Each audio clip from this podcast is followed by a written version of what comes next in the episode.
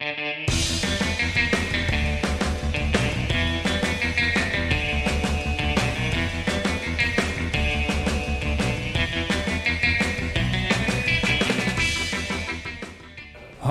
daar, welkom bij Studio Magic, de Nederlandstalige podcast over alles wat te maken heeft met Magic the Gathering.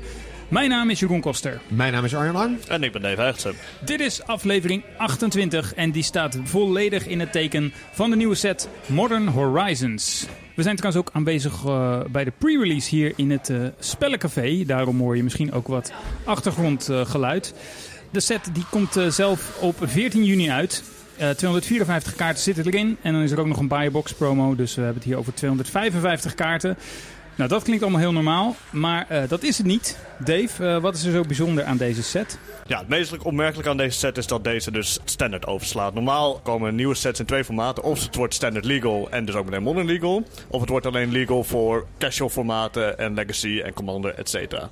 Deze doet dat dus niet. Deze slaat standard over, maar is dus wel legal in modern. En dat Ja. maakt het heel bijzonder. Ja, dat is voor de eerst dat Wizards dat doet. We hebben tot nu toe wel zogeheten uh, ja, master sets gezien, maar daar zaten dan geen nieuwe kaarten in. Of uh, we hebben uh, draft innovation sets gezien. En dit betitelt Wizards ook een beetje als een draft innovation set. Dus een set die iets bijzonders doet met het draftformaat. Nou, ja, dat zijn uh, sets zoals uh, bijvoorbeeld Conspiracy of Battlebond uh, die we hebben gezien. En Ja. die zijn dan ook niet legal in standard. Nee, en ook niet in modern. Nee. Maar deze draft innovation set is dat dus wel. Nou, nog een bijzonderheid. Deze set die bevat heel veel verschillende mechanics. Uh, afhankelijk van hoe je telt zijn het er zo'n 45. En daarmee uh, ja, kun je het toch wel een zeer complexe set noemen. Ik denk zelfs dat het de meest complexe set is, of misschien nog wel complexer dan uh, het Time Spiral blok.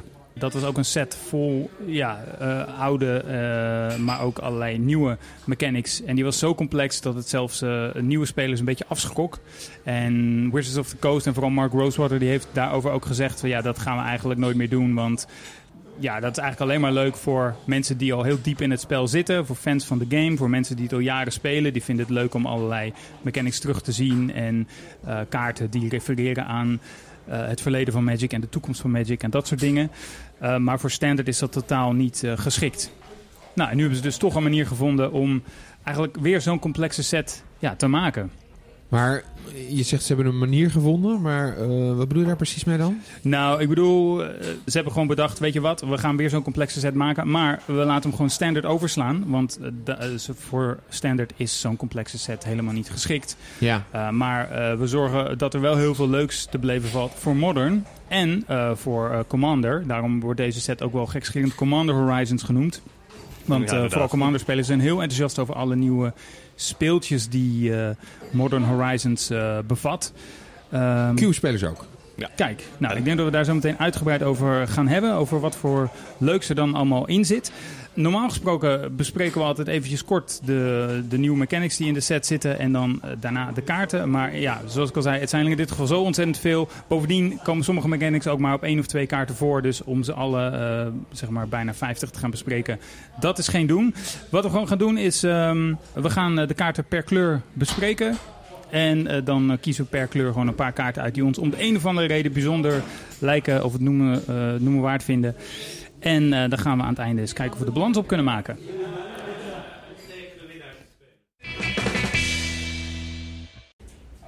Goed, uh, we beginnen met wit. En we doen het niet op alfabetische volgorde, maar gewoon zoals uh, we hier nu eenmaal op onze lijstje hebben staan. De eerste kaart die we bespreken is Ranger Captain of Eos.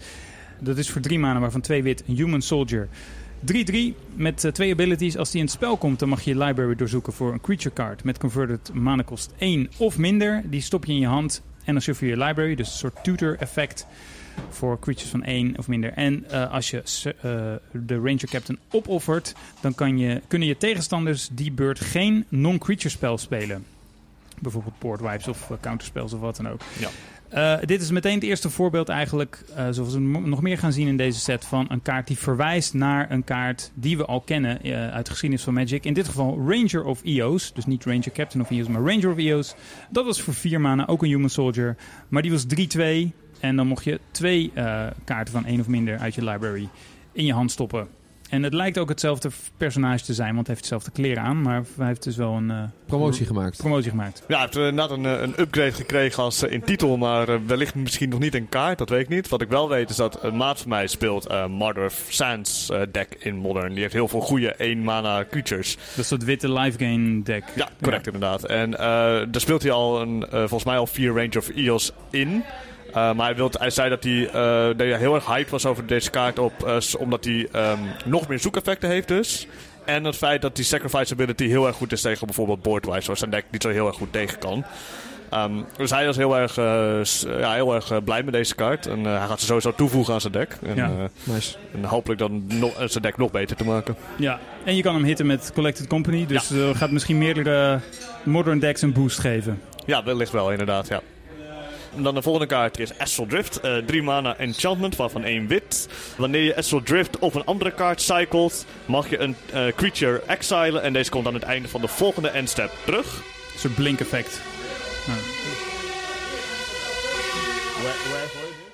Daar kwam even, een- even een vrachtwagen, even een brandweerwagen langs. Eh, verder heeft Astral eh, Drift cycling van zichzelf voor 3 mana, waarvan één wit. Eh, wat is cycling? Dat is trouwens, bedenk me nu, zo'n goede om uit te leggen. We hebben het laatst nog gezien in Amonkhet. Maar cycling betekent dat je voor een mana kost deze kaart discard en dan mag je een kaart pakken. Ja. Ja, voor de, de mana kost gewoon... Het is een activated ability van de kaart, terwijl die in je hand zit. En dan kun je hem Precies. inwisselen voor een andere kaart eigenlijk. Ja. En dit is dan weer een verwijzing naar ook een kaart die we al kennen. Namelijk Astral Slide. Ehm, ook een enchantment dat eh, creatures kan blinken als je cycelt. Ja, klopt.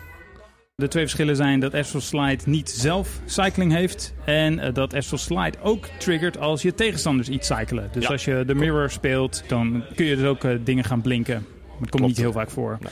Ja, er zijn wel commander decks die dit spelen. Bijvoorbeeld het Zur The Enchanter deck. Zur is dan een creature dat als het aanvalt... dat je een enchantment uit je library in het spel mag leggen. En dan ga je gewoon lekker lopen cyclen en dingen blinken. Nou, dus dit is eigenlijk een extra kopie daarvan. En de volgende kaart is eh, Giver of Runes. is één witte mana. Is een, eh, een core cleric. eh, met eh, eh, één eh, power en twee toughness. En die heeft de volgende ability. Another target creature you control gains protection from colorless or from the color of your choice until end of turn. Nou, deze kaart die doet eigenlijk heel erg sterk denk ik, aan een oudere kaart die veel mensen al kennen. Mother of Runes.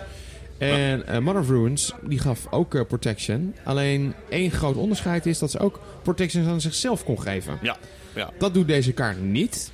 Dus in die zin is deze kaart wat minder goed. Voordeel is wel dat deze kaart dus ook protection van colors kan geven. Dat kan soms misschien toch nog wel een beetje uitmaken in, eh, in Modern. Tegen een Walking Ballista of zo. Ja, Precies. bijvoorbeeld. Of eh, tegen Eldrazi eh, wellicht. Ja. Ook wel een heel ander belangrijk onderscheid is dat dit dus geen human is, maar een core. Ja, Dus, gelukkig geen human. eh, ja, eigenlijk inderdaad geen, gelukkig geen human. Want humans is momenteel een van de sterkste decks eh, in eh, Modern. Ja. Maar de grote vraag is eigenlijk of deze kaart dus nu wel goed genoeg is voor Modern. Wat denken jullie?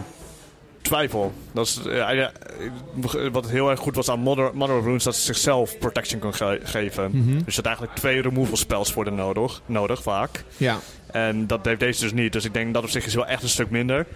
Ehm, aan de andere kant wordt er in Modern... Modern, Modern Runes is natuurlijk ook wel heel erg goed. Ja, dus wel echt heel erg goed. Ja, gewoon te goed, zeker voor Modern. En ik denk dat dit een, eh, qua power level op het juiste niveau zit voor Modern. Mhm. Ehm, Modern is daarmee wel een, echt een ander format dan Legacy. Is, er wordt veel meer removal gespeeld in Modern. Dus ehm, het is nog maar de vraag of ze echt een mega grote impact gaat maken. Maar ik denk wel dat ze echt in decks gespeeld gaat worden. Nou, dan eh, een kaart die ik persoonlijk heel erg leuk vind. Generous Gift. Voor 3 mana, een instant. Destroy target permanent. En de controller van de permanent mag een 3-3 groene eh, olifant eh, token in het spel leggen. Ja, er staat een heel tof plaatje op van een soort van feestje met allemaal fantasiefiguren. En een enorme olifant is kennelijk uit een pakje gekomen. En de, de gever daarvan, of de ontvanger denk ik, die is bedolven onder de olifant. Eh flavortext: The best presents are impossible to regift. Dus Ja. ik vind het sowieso een flavor win. Dat is Eh, ook een referentie naar, volgens mij in oudere tijden, dat er olifanten werden gegeven als een gift aan, te- aan je tegenstanders. Is dat zo? Ja, in, dat is in Magic zo. bedoel je? Nee, in, in het echt. In het- Ja. Dat Oh. heb ik nog ergens geleerd tijdens geschiedenis. Oh, Nou, dat vond ik hem ook wel extra leuk. Leuke trivia. Maar wat ik ook leuk vind aan deze kaart is dat het een color shifted beast within is. Ja, en eh, wat ik dan ook nog tof vind, eh, ja, Within die doet eigenlijk eh, inderdaad hetzelfde, maar dan in groen. Ehm, dit is in Commander interessant omdat het een uniek effect is in wit om van een landje af te komen. Ah. En dat heeft, heeft wit niet zoveel in, in Commander, dus daarom vind ik het wel interessant. Ik moet eigenlijk vooral denken aan Within. En dat je dan inderdaad je eigen landje ook kapot kan maken. Ja, En op instant speed dan gewoon een, bijvoorbeeld een blokker kan maken. Ja. Ook heel tof. Dus eh, ja, wel een veelzijdige kaart. Maar ik, ja, ik betwijfel toch of we deze kaart in Modern gaan zien. eh zien Beast Within eigenlijk ook zelden. Ja, we zien Beast Within alleen in eh, Living End. Ik Ja. denk dat het vooral een. Commander kaart is. Ja. Vooral inderdaad. Maar wel een Ja. leuke kaart. Ja. Oké. De volgende kaart die we willen gaan bespreken is Vesper Lark. Een drie mannen, waarvan één wit. Eh, flying. zijn- sorry, het is een 2-1 elemental creature. eh, met flying. Eh, wanneer deze creature het de battlefield verlaat, mag je een target creature met power 1 of minder van je graveyard in je battlefield gooien. En hij heeft evoke voor twee maanden, waarvan één wit. Eh, dit is volgens mij ook verwijzend naar een hele bekende kaart. Volgens mij de Revelark. Ja. Jeroen, wat doet Revelark? Die is iets duurder, die kost 4 mana, waarvan 1 wit, een elemental, 4-3 flying. En als die de battlefield verlaat, dan mag je up to 2 target creature cards met power 2 or less eh, uit je graveyard op de battlefield leggen. En die heeft een evoke kost van 6. Hm. die wordt ook wel eens gespeeld eh, in sommige modern decks. Volgens mij is het dan vaak een one-off. En Ja, eh, ja. ook wel in, eh, in commander decks zie je hem ook wel voorbij komen. Ja, ik vind het gewoon- Revelark is vooral in, in Cube is dat wel echt een mainstay. Ja, Ja, het- maar deze kleine, eh, het kleine boertje van Revelark... eh denk ik dat hij wat minder eh, kansen heeft. Oké, en ehm, wat denk je dan van Sarah the Benevolent, Arjan? Nou, bij Modern denk ik niet meteen van eh, die gaat play zien. Eh, wat ik wel leuk vind aan deze kaart is dat eh, ja, Sarah gewoon echt een, eh, toch wel een bijna mythisch figuur uit, eh, uit de Magic historie eh eigen Planeswalker kaart heeft gekregen. Ja, want het is een Planeswalker. Misschien moeten we dat nog even toelichten. Eh, ja, eh Sarah the Benevolent, eh, vier mana waarvan twee wit. Eh Planeswalker, begint met vier loyalty. Plus twee ability is creatures you control with flying get plus one plus one until end of turn. De tweede ability is minus 3. Create a 4-4 white angel creature token with flying and vigilance. Een Sarah Oftewel, Angel een dus. Sarah ja. Angel. ja. En de laatste ability, die is ook wel bijzonder, is min 6. You get an emblem with, if you control a creature, damage that would reduce your life total to less than 1, reduce it to 1 instead. Ja. En dat doet denken aan de witte kaart eh, Worship. worship. ja.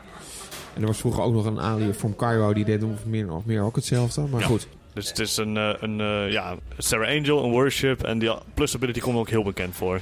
Ja. Ja, dat is meestal... het zijn vaak blauwe enchantments die, eh, die dat effect hebben. Ja. Maar goed, nogmaals, ik denk niet dat deze kaart direct in Modern Play gaat zien. Lijkt mij in ieder geval een hele leuke, goede casual kaart. En het is wel Ja. een goede kaart, maar ik denk vaak toch net even niet goed genoeg voor, voor competitieve formaten. Nee, voor Modern 4 mana is even net iets te duur, denk ik. Ook Ja. al doet hij veel, voor Modern is, doet hij net te weinig. Als Ja. een kaart als Jason Mind Sculpture niet eens zoveel impact meer kan maken, dan is dit zeker niet... eh, Nou ja, om even Ja. te zeggen, in Cube heeft deze kaart op, op die, voor die mana kost gewoon heel veel concurrentie van bijvoorbeeld van Elspeth, Night, Ja. eh, Knight Errant of, eh, of Gideon. Dus eh, daarin zie ik er ook niet echt. Hoewel, je kan er natuurlijk voor kiezen. Precies. Ja, de laatste kaart die we willen gaan bespreken is Antin Ice. En dat is ook meteen een van de mechanics die we veel gepusht gaan zien in dit, eh, deze set. Dat is voor één wit een enchantment, snow enchantment. Eh, enchant snowland you control. Un, eh, when Antin Ice enters the battlefield, exile target creature no opponent controls until Antin Ice leaves the battlefield. Doet een beetje denken aan Change the Rocks Ja, precies, van inderdaad. Teros. eh. Ja, to the. Rocks is bijna hetzelfde. Alleen die moet je een mountain mee enchanten. En met deze is het elk snowlandje. Dus deze is wellicht iets flexibeler. Ja, ja, als je gewoon Snowlandje speelt. Ja, precies. En eh, Misschien nou ja, even aardig om uit te leggen wat Snowlands zijn. Nou ja, of überhaupt snow. Ehm, in deze set zitten dus eh, diverse snow kaarten. En Snow you is know een, nothing. dat is dan weer een verwijzing naar Game of Thrones. Maar eh, Snow in Magic is een, eh, een, zoals het heet, een supertype. Zoals je ook eh, Legendary en Basic als supertype kan hebben. Heb je ook Snow Basic Lands en Snow Enchantments en Snow Creatures. Nou, dat zit dus ook in Modern Horizons. ja, komt dat een aantal keer terug. En ja, er zit dus door de hele set heen een soort van Snow Matters thema. Dus kaarten die verwijzen naar eh, snow permanents of die kijken hoeveel snow permanents je hebt en dan iets eh, doen. Nou, dit is dan een snow enchantment en die kun je alleen spelen op een eh, snow landje. het spreekt over snowlandjes. Die, dat, dat zijn ook de basic landjes van deze set. Is dat in plaats van dat er een, een mountain dus in je booster pack zit, zit er dus een snow mountain. Snow covered mountain. Full art nog wel. Full art zelfs. Ja. gemaakt door Titus Lunter. Ook nog eens. De Nederlandse Magic illustrator die we zelf ook geïnterviewd hebben in uh, Studio Magic. Dus uh, ja, Snow uh, komt, wordt weer een beetje gepusht in Modern. Um, ik weet wel dat er decks zijn die wat Snow-covered landjes spelen. Ja. Um, Scrat? Scrat? Scrat, ja. Scrat Red en uh, Storm. Ja, maar nu is er dus misschien voor nog meer decks reden om, uh, om er iets mee te gaan doen. En er wordt ook gespeculeerd dat we in een toekomstige standard set misschien wel weer meer met Snow gaan doen. Ja. Uh, dat we nog naar een vikingwereld of iets dergelijks gaan. En uh, dan ligt er dus dan een soort van bodempje van sneeuw in Modern om op voort, voor te beduren. Er, zijn, er is zo'n speciale set uitgekomen met van die plane chase kaarten. En daarin heb je de plane Kaldheim. Dus de verwachting is nog eigenlijk altijd dat er nog altijd een set moet uitkomen met, met Kaldheim als uh, homebase. Cool. Heel koud daar. Nee, klopt, ja. Vandaar de naam. Oké, okay, nou tot zover uh, wit.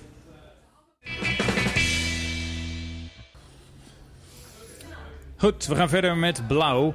De eerste blauwe kaart die we bespreken is Urza, Lord High Artificer. Een Human Artificer voor 4 mana, waarvan 2 blauw. Een 1-4 en die heeft de volgende tekst. When Urza enters the battlefield, create a 0-0 colorless construct artifact creature token with this creature gets plus 1 plus 1 for each artifact you control. Dus het is een 0-0, maar hij krijgt meteen plus 1 plus 1 in elk geval al van zichzelf. Dus het is dan uh, effectief een 1-1'tje. Dan heeft hij nog uh, Urza uh, tap an untapped artifact you control at a blue mana. Dus je kan meteen dat artefact tappen om blauw toe te voegen aan je pool. En voor 5 generieke mana. Shuffle your library, then exile the top card. And until end of turn, you may play that card without paying its mana cost. Nou, laat ik je dit zeggen. Als er een paar kaarten in deze set zitten waar ik heel erg blij van word, dan is daar, deze daar eentje van. Deze kaart die doet eigenlijk bijna alles wat ik wil. Ik moet je zeggen, ik weet niet hoe goed die is in Modern. Maar voor Cube word ik heel erg enthousiast van deze kaart. En uh, om wel de volgende redenen. Laten we maar met een simpele reden beginnen. Ik vind de art vind ik zelf eigenlijk best wel uh, gaaf. Ik vind het een uh, gaaf, uh, gaaf plaatje die erop staat. Ja, van Gregor Rutkowski. Ja, het is zeg maar Urza die daar voor een soort van leger van, van artifacts creatures staat. Ja, met een wapperende cape en rookeffecten. Iets anders wat ik ook wel gaaf vind aan deze kaart is dat hij dus ook gewoon terugverwijst naar de oude historie van, van, van Magic. Hè. De begintijden waar Urza echt een ja, een belangrijk onderdeel van was van het, een van de eerste verhalen van Magic. Uh, dat vind ik heel gaaf. En wat ik ook heel cool vind, is dat hij gewoon heel veel dingen doet. Nou ja, Jeroen die heeft net al allemaal uit zitten leggen wat hij, uh, wat hij allemaal doet. En vooral, wat ik al zei net, van ik word vooral in, in Cube word ik heel erg enthousiast van deze kaart. En dat komt omdat je hebt in Cube, zoals ik het dan persoonlijk noem, wel het Dead Eye Navigator effect. En ik weet niet of jullie die kaart kennen, maar Ja. dit is een, uh, een 6 mana kaart met uh, twee blauw. Uh, die creatures kan blinken. En dat is een heel cool effect. Alleen, hij is ook 5-5. Dus je kan hele coole dingen gaan doen met die kaart. Maar je kan iemand ook eigenlijk gewoon heel snel doodslaan met een 5-5. En dat kan met Urza niet, want hij heeft maar één power. Um, maar je kan wel heel veel leuke dingen mee doen. Dus uh, ja. Heel veel veelzijdige kaart dus. Nou. Nou ja, ik, ik, hij, hij, kan zoveel dat ik eigenlijk nog niet zo goed weet wat er precies mee zo meteen mee gaan kunnen. Maar het lijkt me dat hij in ieder geval in, uh, in een artifact deck zo meteen heel goed tot z'n recht gaat komen. Ja. Ja, in, uh, in Modern uh, kan je deze kaart spelen in een Infinite Combo. Die, die nog niet zo heel lang geleden geunband is. de Top the Sword combo. Uh, Ah ja, ja. Meek en uh, Top the Foundry, waarbij je dus continu je, je of Meek uit je graveyard mag halen en een gratis artefact kan krijgen dankzij Top the Foundry. Uh, deze combo had één nadeel en dat is dat je steeds één mana per keer verloor. En met deze nieuwe, met Ursa, als je die Ursa op het veld hebt, krijg je steeds één mana erbij. Ja, Dus daarmee kan je dus dan ook uh, tegelijkertijd zijn Activated Ability erbij gebruiken en dan in feite je hele deck spelen. Daar komt het in feite op neer. Uh, dus Ja. ik heb al wat decklijsten voorbij zien komen en ik ga dat nog een impact maken in Modern. Ja, ja, je krijgt die mana erbij, want uh, je kan dus een untapped artifact tappen ja. om mana te genereren. Ja, ja, ja. Uh, wat je doet is je, je tapt je sword en, je, en de doctor. Uh, en je gebruikt volgens één mana om de combo te doen. En je hebt één mana hou je over. Wauw. Nou, uh, ook Commander-spelers zijn heel enthousiast over deze kaart. Het gaat waarschijnlijk ook wel een, uh, een staple worden of uh, een populaire Commander. Omdat hij ja, eigenlijk ook zowat alles doet wat je wil in een Commander-deck. Hij, hij ramt, hij legt extra creatures neer en is ook nog eens kaartvoordeel. Want je, ja, je, je kan dus voor 5 mana gewoon een kaart uit je deck spelen. Plus ook nog wel interessant is dat je gewoon je, je deck kan shuffelen. Dat kan in sommige decks ook nog wel relevant zijn. Ook nog eens, ja. Dus met, uh, ja, als je infinite mana kan maken, wat nog wel eens uh, wil voorkomen in Commander, dan kun je gewoon eigenlijk je hele deck uh, spelen. Dus ja, ik, ik denk dat deze heel veel play gaat zien in Commander. Voor mij persoonlijk het hoogtepunt van de set, ja. deze kaart.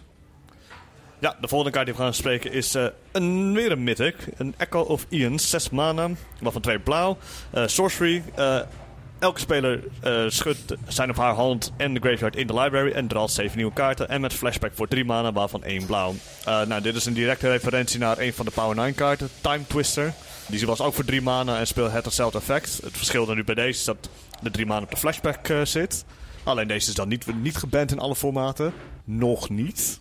Want uh, in Modern zou die zeker wel impact uh, kunnen maken. Daar straks over meer misschien. Maar uh, vooral in Legacy zijn ze, zijn ze heel bang voor deze kaart. En dan voornamelijk doordat deze kaart direct in Storm gaat. En Storm misschien wel te goed wordt in Legacy. Ja, en in, in Storm ligt natuurlijk een no time in je graveyard. En dan speel je ja. hem dus heel snel voor drie mana. Precies. Ja. Ja, wat ik wel grappig vind, dat je, je zei al uh, terecht van dat hij uh, doet denken aan Time Twister, oftewel een Power 9 kaart. Mm -hmm. Terwijl eigenlijk, uh, ik hoor als ik mensen hoor praten over de Power 9, dan, dan hebben ze soms wel de neiging om deze er eigenlijk een beetje af te willen ja, halen. De Time Twister af te willen de halen. De vergeten Power 9 kaart. En zeggen van, hé, hey, is Soul Ring of Library of Alexandria eigenlijk niet een van de Power 9. Ja. Dat zeggende, ook in Modern denk ik dat deze kaart wel potentie gaat hebben. Want wat we inmiddels steeds vaker gaan zien is zogenaamde Narset decks. Die zijn nog niet echt helemaal ontwikkeld, maar het lijkt toch dat die er wel echt gaan komen. Uh, is dus een kaart uit uh, War of the Spark, dat is een hele nieuwe kaart. En die heeft als static ability dat je tegenstander geen kaarten meer mag trekken. Dus ja, met deze kaart kan je dan uh, in ieder geval ervoor komen dat jij zeven nieuwe kaarten mag pakken. En je tegenstander zijn hele hand moet discarden en er geen nieuwe kaarten kan pakken. Ja. Dus interessant. Interessante kaart. Uh, de volgende kaart die we gaan bespreken is Force of Negation. Instant voor drie maanden waarvan twee blauw. En de tekst is: If it's not your turn, you may exile a blue card from your hand rather than pay this spell's mana cost. Counter target non-creature spell. If that spell is countered this way, exile it instead of putting it in its owner's graveyard. Hey. Nou, deze kaart doet een tikje denken aan uh, uh, Fossilville. een uh, kaart die uh, in Legacy en in Vintage heel erg veel Ja, gespeeld wordt. In de zin van, eh, dat is ook een counterspel. Daarmee kan je elke spel counteren. En je moet ook een blauwe kaart uit je hand eh, eh, discarden om hem gratis te kunnen casten. Ja, nee, je moet een kaart uit je hand exilen en je moet een leven betalen. Ja, klopt. Dit lijkt me geen of Will. Nee. Ehm, dat zeggende is het wel een hele interessante kaart, toch? Ja. Ja, het is een gratis negate eigenlijk uh, Ja. in de beurt van je tegenstander. Dus Ja, gratis. Nee, je moet dan een kaart opofferen. een soort van En, gratis. en de meningen verschillen een beetje over. Want eh, sommigen denken van, nou goed, dit is een manier waarop je combo's van je tegenstander eh, makkelijker kan tegenhouden. En andere mensen die zeggen eigenlijk ook weer van, ja, maar het werkt net zo goed ook weer dat je je combo met deze kaart kan beschermen. Ja, nou ja, dat laatste niet helemaal. Want meestal wil je combo beschermen in je eigen beurt. En dat kan deze Mhm. kaart niet zo heel erg goed. Oh ja, dat is waar. Ja. Dus- En dat is misschien eigenlijk ook wel, want ik vind het een beetje een aparte clause die ze hebben opgenomen, dat het alleen maar in je, in je tegenstandersbeurt werkt. Maar Ja. waarschijnlijk is dat juist eigenlijk het idee. Precies, ja. Ja. De grote, eh, grote commentaar voor of Will is dat het eh, goed werkt beide kanten op. Ja, Terwijl je eigenlijk wilt dat het alleen maar goed is ter, eh, ter zeg maar, het stoppen van een combo in plaats van het beschermen ja van een vindt combo. dat in ieder geval Ja, belangrijk. precies. Ja. Ja, ja, ja. Dus, dit, dus eigenlijk alles bij elkaar kunnen we zeggen dat het meer een anti-combo kaart is. Zeker. Ja, Voordat eh, Modern Horizons echt uitkwam, eh, voordat de spoilers begonnen, was eh, heel veel speculatie over of we nu eindelijk Force of Will zouden krijgen in Modern. Nou, dat is dus niet gebeurd, maar Wizards heeft dus wel een, deze kaart gemaakt. En ook een, eigenlijk een hele cycle van Force kaarten, want elke kleur die heeft zijn eigen Force of nog wat. Eh, dus kaarten die je gewoon kan casten, maar ook gratis kan spelen door een kaart te discarden. En dat kan dan alleen... Ja, eh, pitchen noemen ze dat ook pitchen wel. inderdaad. Pitches noemt ook wel pitch cards. Eh, we gaan er zo meteen nog één bespreken, want we vinden ze niet allemaal even goed. Maar er is eh, minimaal één andere force eh, kaart in een andere kleur die we... De meeste zijn ronduit slecht. Er ja, zijn precies. maar twee eigenlijk die goed zijn. Maar dat was met de oorspronkelijke force cycle was dat volgens mij ook al zo. Ja, correct. Eh, de volgende kaart eh, in Modern Horizons uh, Archmage's Charm voor drie mana, waarvan drie ook blauw. Dus blauw, blauw, blauw. Een instant en ja, zoals dat gaat bij Charms mag je dan één kiezen uit drie verschillende effecten. Je mag een spel counteren of je mag target speler twee kaarten laten trekken. Of je kan controle overnemen van target non-land permanent met converted mana kost 1 of minder. Ja, een uh, aantal uh, schrijvers in de Magic community die waren zeer uh, te spreken over deze kaart. Patrick Shapin, bekende Hall, Hall of Fame speler, die vond dit zelfs de beste kaart in de set. Ik geloof dat ook de, de professor van de Tolarian Community College heel erg enthousiast was over deze kaart. Hm. en dat zit er volgens mij er vooral in dat deze kaart gewoon heel veelzijdig is. Hè? Je kon er gewoon veel verschillende dingen mee doen. Ja. Een van de grote nadelen is natuurlijk gewoon triple blauw. Ja. Dus niet heel erg makkelijk uh, te casten. Eigenlijk gewoon praktisch net zo moeilijk als uh, Cryptic Command. Ja. ja, maar daar wordt deze ook heel erg mee vergeleken. Een soort van mini Cryptic Command. Ja, maar het voordeel van Cryptic Command is natuurlijk wel dat je voor één mana uh, twee dingen mag doen. Ja.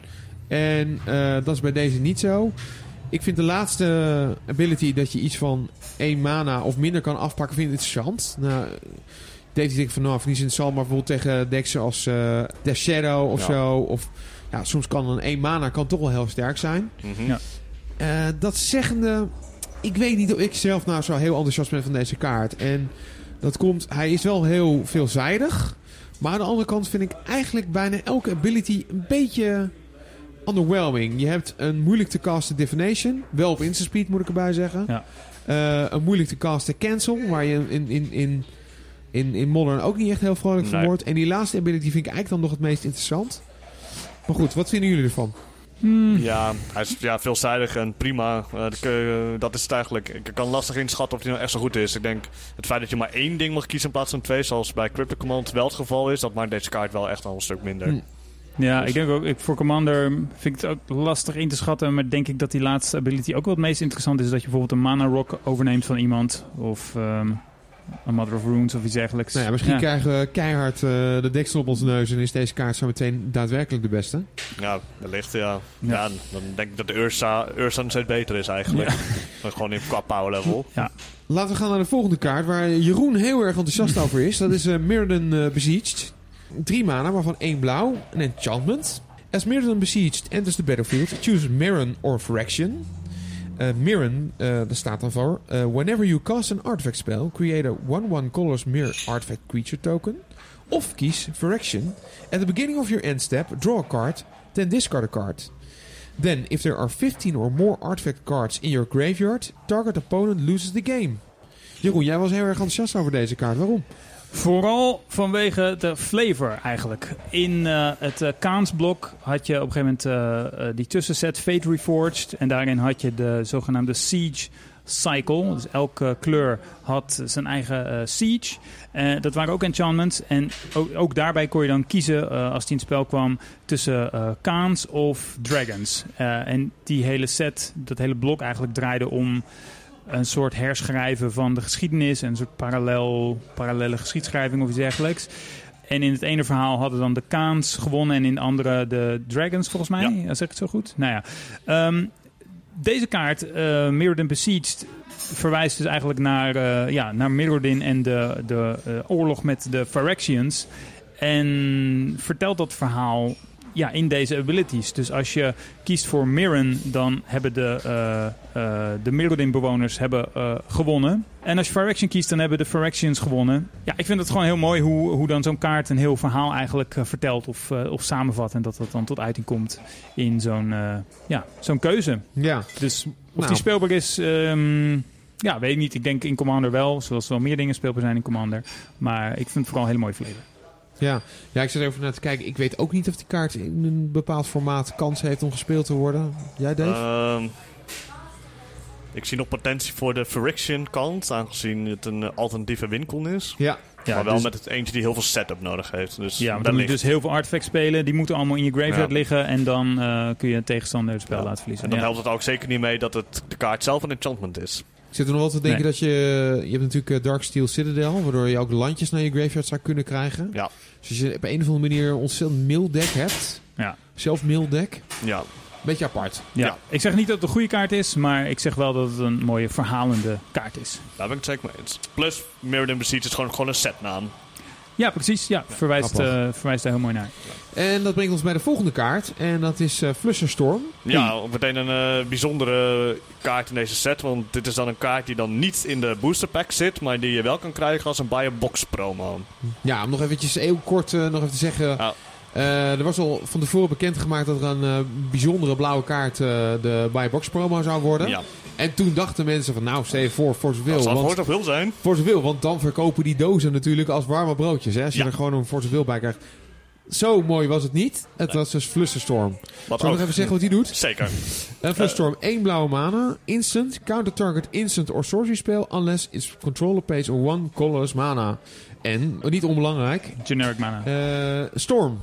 When you cast this spell, copy it for each spell cast before it this turn. You may choose new targets for the copies. Dat is inclusief de spels van je tegenstander. Dat is ook belangrijk. Ja, Eh, ja, eh Flusterstorm goed in Legacy. Omdat er daar heel veel goedkope spels gespeeld worden. Waardoor Flusterstorm heel snel heel veel beter wordt. In Modern ik het nog niet. Behalve tegen Storm zelf. Ja, dat is een beetje wat ik ook begrepen heb. En eh, ja, de meeste mensen zien dit eigenlijk zelfs als een soort van spelpeers. Ja, Maar dan eigenlijk vaak ook nog wat minder goed. Het is gewoon zo dat de, de, de, de stacks met spels... Ja, gewoon in Modern meestal niet zo groot zijn als bij eh, Legacy. ja precies. Dus ja, ik weet niet. Ik weet niet of we nou heel erg... Ik denk dat het ook nou maximaal misschien twee in het sideboard of zo. Ja. Ik denk vaak zelfs maar één. Ja, Het- nee, het ik, word niet, er eh, ik word het er is niet niet heel heel en- ja, ik word er niet heel enthousiast van voor Modern in elk geval. Hm. Wel weer een reprint, dat is op zich wel weer fijn. Want deze kaart is best duur, ook omdat die Commander volgens mij ook veel gespeeld wordt. Nee, geen idee. Weet ik niet. Oké. Dat zou kunnen. Ja, nee. Er zijn wel stormdecks in, Modern- Ja. in, eh, in Commander. Ja, dus, eh, en het is eh, ironisch gezien inderdaad een goede kaart tegen Storm. Ja, goed, maar maar ik wil nog wel even hebben over die Biobox promo, als je het niet heel erg vindt. nou, ik, wil, ik ben nou wel benieuwd wat je erover wil zeggen. Nou ja, ik vind het vreemd dat het een, ten eerste een Biobox promo is, omdat het quote niet in de set paste. Dat was de eh, reden die we, die we kregen. Dus ook een... Ja? Ja, dat is letterlijk de reden. Het paste niet in de... De set was al ingelokt, maar ze wilden nog wel Flusterstorm ergens kwijt. Oké. Heel bijzonder. Ja. De, hele slechte redenering, in mijn opinie. Maar het is ook een non-foil Biobox promo. Dat Oh. is ook nog... eh, interessant. Oh, maar Dus dat kan ik wel eind- begrijpen, want er was best wel vaak kritiek op. Alleen Ja. het hele gekke is, natuurlijk wel... eh, het lijkt dan net of Wizards het toch niet helemaal begrepen heeft. Want bijvoorbeeld eh, de Buy Box Pro die hebben we gekregen met Nexus of Faith... toen was het probleem dat die kaart niet als non-foil beschikbaar was. ja, Terwijl deze Flusserstorm kaart wel als non-foil beschikbaar is. Ja. Maar goed, eh, met deze hebben mensen in ieder geval makkelijker toegang tot een non-foil kaart. Nee, dat is alles. Ik wil even twee kaarten min of meer samenpakken. Omdat die eigenlijk allebei een twist geven aan een mechanic die, al, die we al kennen.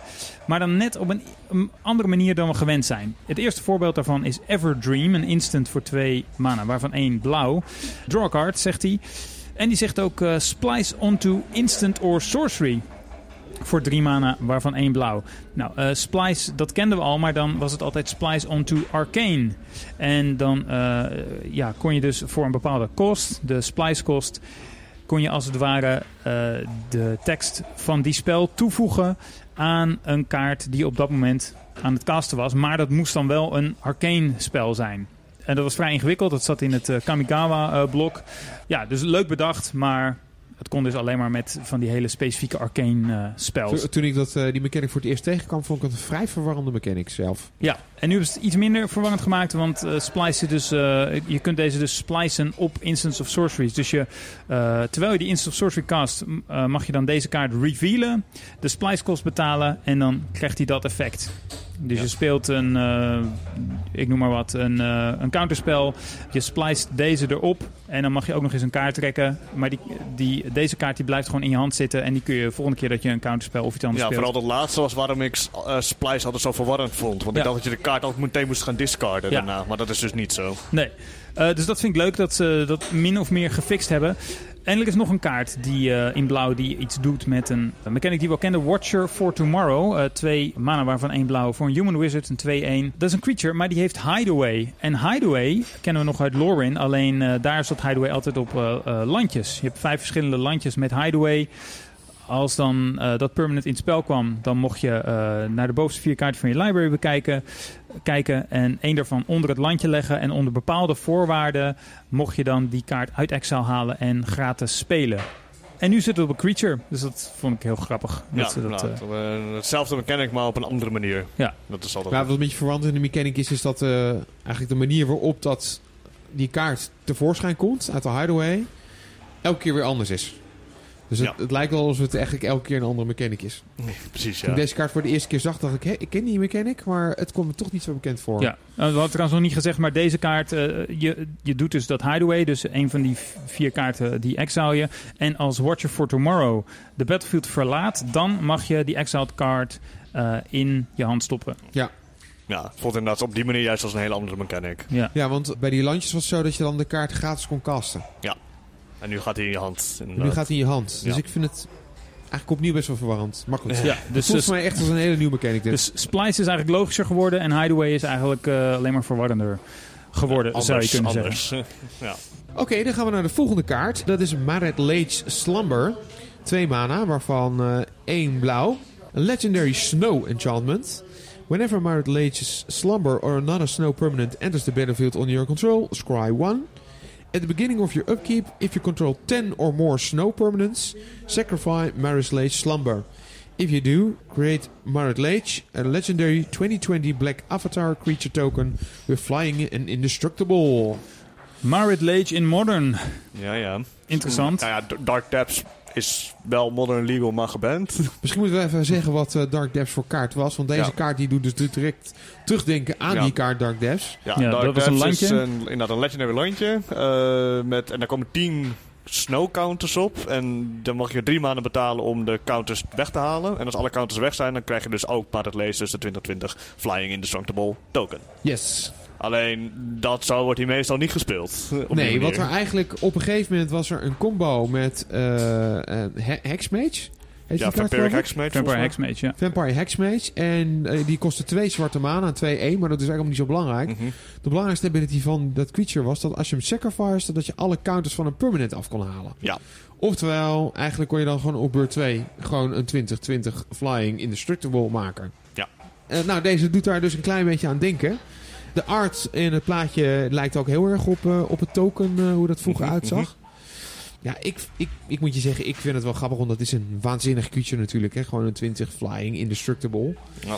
Ik zie niet echt 1, 2, 3 hoe, eh, hoe je deze zo heel snel eh, als de oorspronkelijke kaart in play kan krijgen. Nee, Nee, want je moet dan dus niet op 10 de- snow nee. permanents. Ik zou me nog kunnen Hebben. voorstellen dat je op een of andere manier, eh, ja, gewoon met, eh met snowlandjes die eh, gaat eh, rampen of zo, dat je deze toch eh, Hm. vrij snel aan de praat kan krijgen. Ik vind het zelf wel een toffe kaart, Ja. maar of die play gaat zien in Modern, dat is een, ja, dat acht ik eigenlijk wel onwaarschijnlijk. Nou, het ligt er een beetje aan hoe goed Snow wordt natuurlijk. Ik denk dat als je Snow deck gaat spelen, dat je deze zeker wel erin wil gaan spelen. Ja, Maar- maar dat wordt dus een beetje spannend eigenlijk of zometeen blijkt dat Snow überhaupt goed genoeg is. Want Ja. Ja, tenzij er weer inderdaad, eh, zoals Jeroen al eerder zei, eh, misschien binnenkort dan weer in Standard een eh, Snow set uitkomt. Ja. Want ja, Snow wordt er niet met elke set beter op. Want er zit vaker geen Snow-kaarten in dan wel. Bijna nooit zelfs. Dus in die zin acht ik de kansen van deze kaart niet zo heel erg positief. Maar niettemin, gaaf kaart. Oké, en laatste is een... Of, laatste, niet eens de laatste. Sorry. De volgende is een eh, kaart waar men heel erg zat op te wachten dat die in Modern legal zou worden. En dat is Factor Fiction. Vier maanden, waarvan één blauw. Instant. eh, reveal de bovenste vijf kaarten van je library. Een tegenstander eh scheidt deze in twee piles. En eh, jij als eh, caster mag er dan eentje kiezen om naar je handen te laten gaan. En de andere gaat je graveyard in. Dus ja, deze kaart is, eh is men, is men, tenminste van wat ik lees op het internet, heel erg blij mee. Want het is dan ook een leuke kaart vooral. En het is, het is een goede kaart en een leuke kaart. Nou ja, waar deze kaart vooral bekend om is, is dat je je tegenstander... eh, ja, het, het, het, het- er komt veel nadenkwerk bij kijken. Het is een heel Ja. skill-intensieve kaart. Ja, klopt. Ja, het is inderdaad een eh, skill-intensieve kaart van beide kanten. Jij als tegenstander hoe je ze uit elkaar haalt. En jij als speler van welke ik, ik ga kiezen. Dus eh, ja, Dus ik ben eh, heel erg blij dat deze in uh, Maar Modern wat, zit. wat voor mogelijkheden zie jij met deze kaart in Modern? Eh, control vooral. Control. Ja, dat is eh, gewoon pure card advantage. Dus eh, Eh, deze kaart kan je zien als een eh, draw 2 of 3 van je beste kaarten. Ja, is er misschien ook nog iets met Reanimator mogelijk, denk je? Zeker wel, ja. Er zijn heel veel verschillende mogelijkheden. Ook het feit dat het in je graveyard gaat en niet wordt geshuffeld in je library maakt het inderdaad een hele goede kaart. Tot slot, althans voor het blokje blauw, zijn er nog eh, twee eh, voorbeelden van kaarten in Modern Horizons die eh, ja, ook weer refereren aan oude kaart, maar dan ja, in creature vorm. Zo hebben we de Bazaar Trade Mage voor drie mana, waarvan één blauwe Human Wizard, 3-4 flying. Als die in het spel komt, dan mag je twee kaarten trekken en daarna moet je er drie discarden. Nou, dat is een directe referentie naar Bazaar of Baghdad. Een landje met dezelfde ability. Als je dan dat landje tapte, dan moest je er twee trekken en drie discarden. Ehm, en een andere kaart is eh, Pondering Mage voor 5 mana, waarvan twee blauw. Human Wizard ook eh 3-4. En als die in het spel komt, dan mag je de bovenste drie kaarten van je library bekijken. Terugleggen in ehm, volgorde naar keuze. En daarna mag je je library shuffelen en een kaart trekken. Nou ja, dat is natuurlijk het eh, Ponder effect. Daarom heet hij ook Pondering Mage. Ja, ik weet niet hoe speelbaar deze kaarten zijn, maar wel eh, grappig op zich dat ze dus van oude favoriete kaarten Mhm. of geliefde kaarten een versie hebben gemaakt met eh, pootjes. Of met vleugels in het geval van eh Bazaar Trade Mage. Je heeft zeker de upside dat je op een heel snel allerlei kaarten in je graveyard kan krijgen. Ja, ik denk dat Bazaar of Trade Mage hij nog best wel modern playable is. Ja? Goed, goed effect en een 3-4 flyer. Voor drie Voor maanden. drie maanden. Drie ja. mannen, Ja. Dat is wel solid. We gaan verder met zwart. De eerste zwarte kaart. Yawgmoth. Thran Physician. Vier mana waarvan twee zwart. Legendary creature. Human cleric. 2-4. En hij heeft protection from humans. Dus hij is een human, maar hij heeft ook protection from humans. Eh activate ability nummer 1 is eh, betaal één leven. Sacrifice an under creature. En eh, leg een min 1 min 1 counter op up to one target creature. En draw card. En eh, dan de laatste activate ability is eh, twee zwart en het discarden van een kaart. Dan mag je proliferaten. Dus eh, een eh, eh, extra counter leggen op een aantal permanents met counters. Nee, Ik ben weer opnieuw heel erg enthousiast over deze kaart. Ik denk dat bijna iedereen met een cube deze kaart in zijn cube zou moeten stoppen. Ehm Urza wint het net een klein beetje omdat ik de art van Urza mooier vind dan eh, deze kaart. Maar ik, ik moet je eerlijk zeggen dat ik Proliferate vind ik een heel erg cool effect. En dat je dat eigenlijk met deze kaart eh, eindeloos kan blijven doen. Ja. Dat vind ik wel heel gaaf. Je hebt natuurlijk sowieso de ability dat je de min 1 min 1 counters op andere kiezers kan gaan leggen. En die kan gaan verdubbelen. Maar je kan Proliferate nog op veel meer manieren eh, eh, gaan gebruiken. Dus eh, ja, ik, ik ben wel erg enthousiast over deze kaart in, in Cube in ieder geval. Of hij in Modern wat gaat doen. Hij heeft Protection from Humans. Dat is wel in ieder geval relevant. Mhm. Maar 4 mana blijft toch wel heel erg veel eh, voor Modern. Misschien is dat ook wel een beetje te laat. eh, om dan nog een, eh, een Protection from Humans creature in het spel te leggen tegen humans. Ja, en ik bedoel, als ik aan Humans denk en ik denk een beetje in de latere fase, dan denk ik ook aan al die Mantis Riders die over je heen komen vliegen. Ja. Ja.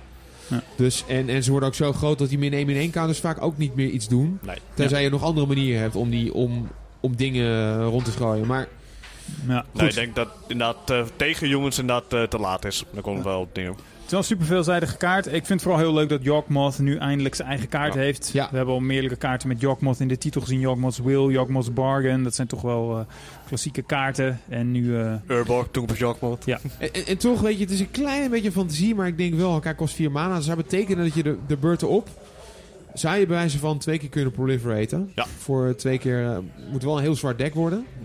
Maar ehm, En je moet nog heel veel kaarten in je handen hebben. zo vaak te kunnen prolifer- proliferaten is in ieder geval zeker interessant.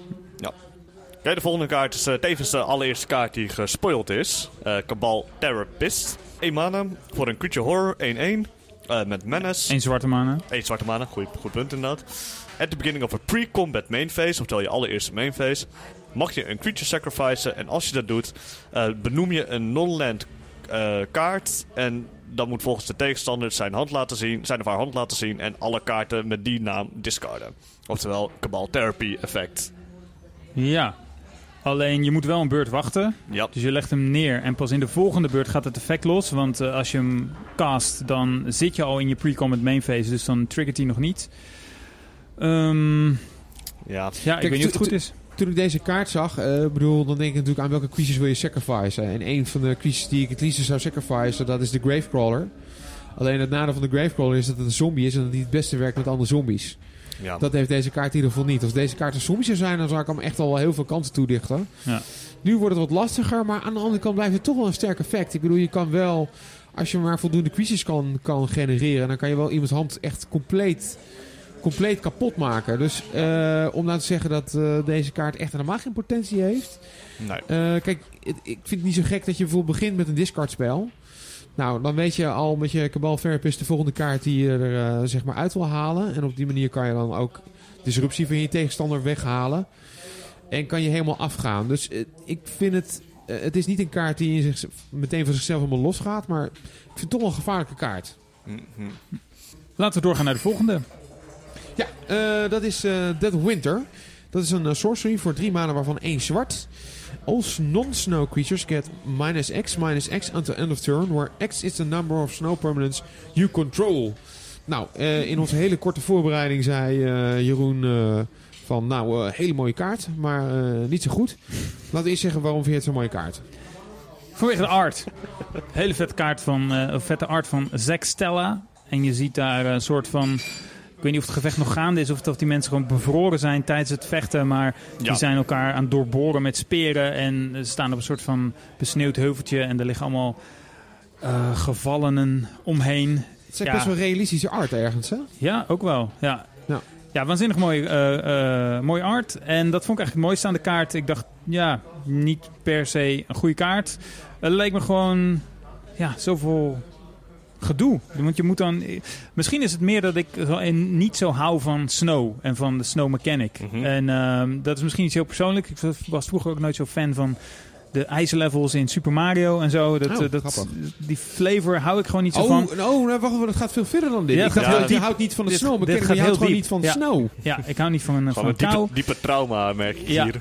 Ehm, maar ehm, ja, ook gewoon het hele gedoe dat je dus... eh, ja, je, je moet echt je, je hele deck er dan op inrichten en zorgen dat je genoeg snow permanents Ja, speelt. maar dat is niet gek voor wat we zien in Modern algemeen. Nee, dat Dat- is inderdaad wel waar. Je kan natuurlijk voor kiezen om in Modern eh, al je basics te vervangen door, eh door snowlandjes. Ja, goed, dan nog de meeste... de meeste decks hebben echt gewoon... Je gaat vol op artifacts, vol op enchantments... of vol op creatures, of vol op een bepaalde combo. Ja, Dus in dat opzicht, eh, als je hem zo benadert... dan past hij niet in heel veel decks. Maar in de decks waar die past, is hij heel erg goed. ja, dat is waar. Maar ik dacht dus meer van ja, in mijn eh, ehm, Modern decks speel ik ja, hooguit een handjevol basics. En eh, ja, eh, tegen de tijd dat je die op het veld hebt... ehm, Ja, deze, deze kaart vergt dus wel dat je over het algemeen heel veel basics speelt. Ja, en hetzelfde geldt voor eh, Commander. Nou, daar is het wel wat makkelijker. Speel je over het algemeen wel wat meer basics. En dan kun je ook al je basics vervangen door Snow basics. Maar ja, als dat alleen maar is om deze kaart goed te maken, dan vind ik dat wel heel veel gedoe. Maar goed, als je dat doet, ja, waarschijnlijk stop je dan wel meer kaarten in je deck die iets doen met het, het tellen van Snow Permanents. Ik weet niet of je dat zo bedoelt. Hoor. Ik, ik hou trouwens wel van sneeuw en Ja. een beetje ijs en zo Ja. in het echt leven. Maar wat de snow mechanic betreft ben ik het denk ik wel een beetje met je eens. En ik- ik- waar dat volgens mij een beetje in zit, is dat het een beetje erop geplakt voelt. Ik bedoel, ik krijg bij snow covered of zo. Het, het is een mechanic, maar het heeft voor de rest eigenlijk weinig met sneeuw te maken. Hm, ja. Dus Ja. het, het, het verandert niet iets aan, aan hoe de kaarten spelen of zo. Het is, ja, het, eigenlijk gaat het veel meer over hoe, met Basic Land spelen... dan met, met echt, echt iets met sneeuw te maken heeft. ja. Zo. Nou, ik ben wel hyped over deze kaart. dat je het even weet. Mooi. Ik, Ik- eh, ik- ik vond hem al heel erg goed. Totdat ik hem net nog even goed las. En toen zag, zag ik dat er all snow, non-snow creatures min x min x krijgen. Dus het is vaak al gewoon een eenzijdige board wipe. Ja, nee, ik denk dat het wel een goede kaart is Ja. ook. en dat het een goede kaart kan zijn in ieder geval. Ja, dus inderdaad, eh, fla- flavor te laten, dat eh, boeit me sowieso al wat minder natuurlijk. Maar qua gewoon paar power Natuurlijk, level, natuurlijk qua power level vind ik hem echt supergoed. Alright. We gaan verder met Entling. Ah. Voor vier maanden waarvan twee zwart. Een zombie shapeshifter. 3-3. Ja, als je een eh, kaartnaam hoort, creature, eh, waarvan de naam eindigt op Ling, dan weet je al dat die eh, hoort in de cycle van Morphling en Brightling en al die andere. Dit is ja, de laatste in die cycle eigenlijk. We hebben nu eindelijk een zwarte Morphling. Hij heeft ook weer vijf abilities. Afhankelijk van hoe je telt. Voor één zwart, Endling krijgt Menace tot het einde van de beurt. Voor een zwart, Endling krijgt Death Touch tot het einde van de beurt. Voor een zwart, Endling krijgt Undying tot het einde van de beurt. Dat betekent dat als hij doodgaat, dan komt hij terug met een plus 1 plus 1 counter. En voor één generieke mana kan je hem plus 1 min 1 geven. Of min 1 plus 1. Dus ik kan eh, ja, pompen aan de voorkant of aan de achterkant. Mhm. Ja, ehm, de zoveelste zou ik bijna zeggen. De laatste? De la- Waarschijnlijk ook de laatste. En blij dat we er vanaf zijn? Of? Nee, ik ben blij dat de cycle compleet is. Ik, ik ben niet zo fan van deze kaart. En het komt eigenlijk omdat ik eigenlijk het, het design gewoon niet zo heel erg elegant vind. Ik weet dat ik net nog heel enthousiast was over eh Urza en uh, Jokmov. Juist omdat ze heel veel kunnen. Maar waar Urza en Jokmov een soort van minigame opzetten eigenlijk die je kan doen... voelt dit voor mij meer als een creature waar gewoon heel veel abilities opgeplakt zijn. Ja. En ja, ja, ik vind het zelf gewoon niet zo elegant. Het voelt een beetje als een moedje dan misschien. Carrion Feeder uh, is de volgende kaart die we gaan bespreken. Een klassieker. Wat doet Carrion Feeder? Voor één zwarte maan dan krijg je een 1-1 zombie. Uh, Carrion Feeder kan niet blokken. Sacrifice a creature. Doe een plus 1 counter op Carrion Feeder. Een hele goede stack outlet. Hoe gaan we dit mis misbruiken? Nou, daar weet Jeroen alles van. Uh, nee, daar weet ik niet alles van. Maar ik weet wel dat dit... Uh, ja, in Commander is het altijd fijn om sec outlets te hebben. Zoals de Altar of Dementia, die trouwens ook in deze set zit. Uh, maar gewoon ook andere manieren om, om creatures op te offeren. Omdat je daarmee soms um, voordelige effecten genereert. En dit is dus voor het eerst dat we deze kaart in Modern kunnen gaan zien. Ja, ik weet niet of hij er ook echt iets gaat doen. Maar ja, je kan hem dus in één keer helemaal volladen met plus 1 plus 1 counters. Uh, of nou, in één keer. Dan moet je dus wel eerst creatures op de battlefield hebben liggen. Het gaat voornamelijk denk ik gewoon dat het een goede stack outlet is. Dat is het belangrijkste. En uh... Ja, en uh, het, is, het is op zich toch nog wel interessant dat het een zombie is. En dat je dus ook wel synergie hebt met allerlei zombies. Ja, precies. Ja. Maar ik, ik, laat ik het zo zeggen. Ik denk dat je inderdaad meer moet kijken naar een soort van combo hoek. Dan dat Zombie Tribal of zo ja. goed wordt met deze kaart. Ik denk dat daar allemaal een beetje te, te, te cute voor is. Brengt ons ook wel naar de volgende, volgende kaart. Dat is namelijk de Sling Gang Lieutenant. Vier manen, waarvan één zwart. Uh, creature Goblin. When Sling Gang Lieutenant enters the battlefield, create two 1-1 red Goblin creature tokens. And ability is Sacrifice a Goblin. Target player loses one life and you gain one life. En 1-1 creature is het. Ja. Nou, we zaten het eventjes van tevoren hadden we het erover van... is deze kaart uh, de moeite waard van het bespreken? En ik dacht bij mezelf eigenlijk, ja, vier mana is best wel veel. Maar aan de andere kant dacht ik wel van... Het sacrifice van de goblins is gratis. En je kan deze ook aan zichzelf sacrificen. Dus het is eigenlijk meteen een gewoon drain life voor drie. Ja. Laat staan als je al meerdere, zo, uh, meerdere goblins in, in play hebt liggen. Ja. Dus dan als curve topper vind ik het dan toch wel een interessante kaart stiekem. Ja. ja, hij doet natuurlijk het meeste denken aan Siege Gang Commander. Die kost 5 mana en dan heb je volgens mij een 2-2. Drie uh, twee tweetjes. Uh, met, uh, nee, sorry, drie drie, eeneentjes. Drie eeneentjes ja. erbij. En nu heb je een 1-1 met twee eeneentjes erbij. Maar bij Siege Gang Commander kost het opofferen van die creatures om schade te doen. Dat kost twee mana. En hier is het inderdaad helemaal gratis. Er zit nog wel een verschil bij dat je bij de Siege Gang Commander de damage aan elke target kan doen. En hier alleen aan je tegenstander. Oh ja, het is alleen maar drainen. Ja. ja, dus dat is minder. Hmm, in elk geval is Goblins wel een van de archetypes. Als je, als je Limited gaat spelen met deze set, dan uh, is er volgens mij wel wat uh, te beleven op in de Goblin hoek. In Limited leek deze kaart me echt, uh, echt meer dan prima ja. in deze set. Um, nou, weet je, gaat het Goblins naar een tier 1 staats brengen? Zeker niet. Maar ik Hm. kan me wel voorstellen dat, dat er in ieder geval ook in deze set wel Goblins zitten. Voldoende Goblins zitten voor mensen om het te proberen. Volgende kaart. Diabolic Edict. Ook een bekende. Voor twee mana, waarvan één zwart en instant. Target player sacrifices a creature. Ja, yeah, super. Eindelijk Modern Legal. Maar we hebben al Liliana's Triumph gekregen in Warped Spark. dus deze kaart uh, wilde men al heel lang hebben in, um, in Modern. Uh, toen kwam Liliana's Triumph uit, wat in feite bijna hetzelfde doet met twee verschillen. Ja, zelfde mana kost, ook instant. Uh, die zegt each opponent sacrifices a creature. And if you control a Liliana Planeswalker, each opponent also discards a card. Dus Ja. je heeft nog wat upside als je een Planeswalker hebt liggen. Nou, we hadden het er net eventjes over. En even tussendoor, de, de open house versie van Liliana's Triumph is echt super mooi. Ja, ah, oké. Nou, Dus hou die in de gaten. kan maar beter gezegd zijn. Eh, het, eh, wat dus nog wel een verschil was, want daar hadden we het net over, is dat Liliana's Triumph, die zegt each opponent, of each opponent. Ja. En het uh, Diabolic Edict, die zegt target player. Dus ja, in theorie zou je nog jezelf kunnen targeten, bijvoorbeeld. Eh, dat kan in sommige fringe gevallen nog wel relevant zijn. Ja. Maar verder weet ik niet of we in Modern heel blij worden Nee, van ik denk deze... dat in, voor Modern is, eh, is waarschijnlijk Liliana's Triumph gewoon beter. Ja. En dan de laatste kaart in zwart die we willen gaan bespreken is Unearth. Voor één zwart Uh, return target creature with converted manacles 3 of minder van de graveyard naar de battlefield. En heeft van zichzelf cycling voor 2 generieke mana. Het is op zich als je het kaartje leed, denk ik van is niet zo heel erg goed. Uh, maar ik zie vaak in de, uh, op de, de gangen van het internet in decks als Junt en Rock en andere midrange decks dat ze dit willen gaan gebruiken als een extra grind tool binnen dat deck. Om bijvoorbeeld je Darmagoyes of je Dark Covenants van de Graveyard weer terug Battlefield te krijgen. Ja. Is dit ook niet een, eh, een kaart om bijvoorbeeld in bepaalde creature combo decks uh, gewoon weer combo pieces naar boven te halen? Ook. Daarin zou ik eigenlijk eerder denken nog wel een Junt. Maar... Ja, dat zijn de twee angles inderdaad decks die je inderdaad zie. Dus inderdaad of als gewoon een grind tool of inderdaad om gewoon een combo piece terug te halen. Ja. Maar allebei inderdaad. Uh, het is een ja, toch, toch best wel een goede reanimator spel.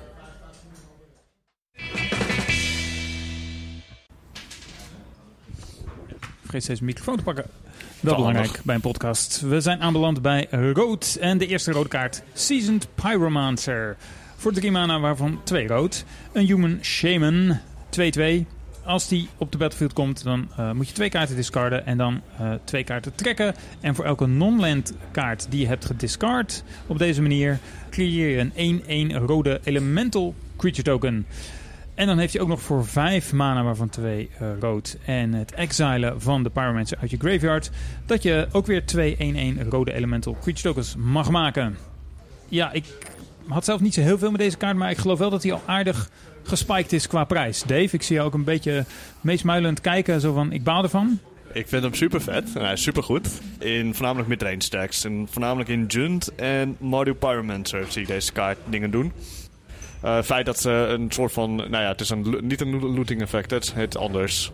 Dit discard ja, rummaging volgens rummaging, mij. Ja, rummaging effect kan altijd heel erg goed zijn. Maar het is vooral dat hij heel veel value van zichzelf genereert. Voornamelijk ook door zijn exile van de graveyard ability. Waardoor hij ook als hij doodgaat, dat hij dan nog, een, uh, nog iets kan. Hm. Ik heb al heel wat lijsten van Modern Pyramids gezien waar deze in plaats van Battle and Reveler wordt gespeeld. Oh, ja. um, omdat Battle and Reveler is een goede kaart. Alleen uh, als je tegen Modern Pyromancer, als je daar, hoe heet het tegen speelt, uh, Graveyard Heart, dan is die kaart onspeelbaar. Deze ontwijkt dat een klein beetje. Ja, want Battle Reveler die telt kaarten in je graveyard. Dus ja. telt instant sorceries in je graveyard en dan kost die minder. Ja. En hierbij is dat, omzeil je dat inderdaad. Precies. En in uh, de, uh, Decker Junt wordt hij gewoon gezien als een uh, goede value kaart. Ja. Dus uh, daar, daar, heb ik ook al een paar lijsten van gezien.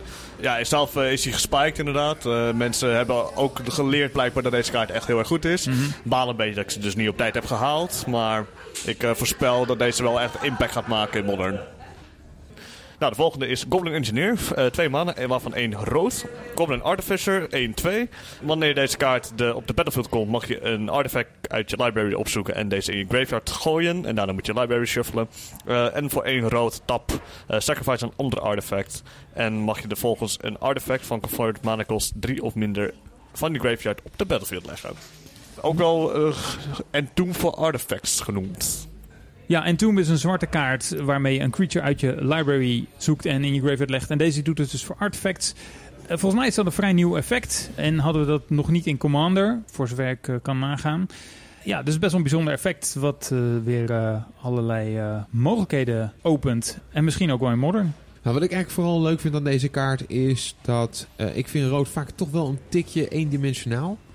En als er uh, gewoon meer, meer thema komt met uh, rood en artifacts, uh, combinaties daarmee, zou ik het wel erg leuk vinden. Zeker als het ook nog in combinatie met de graveyard zou gaan.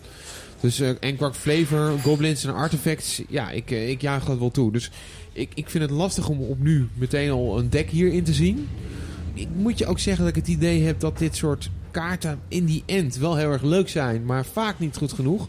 Maar ik zou het wel heel leuk vinden als dit soort kaarten zo meteen goed genoeg zijn in Modern. Ja. Dus uh, ja, ik hoop er wel op eigenlijk. Ja.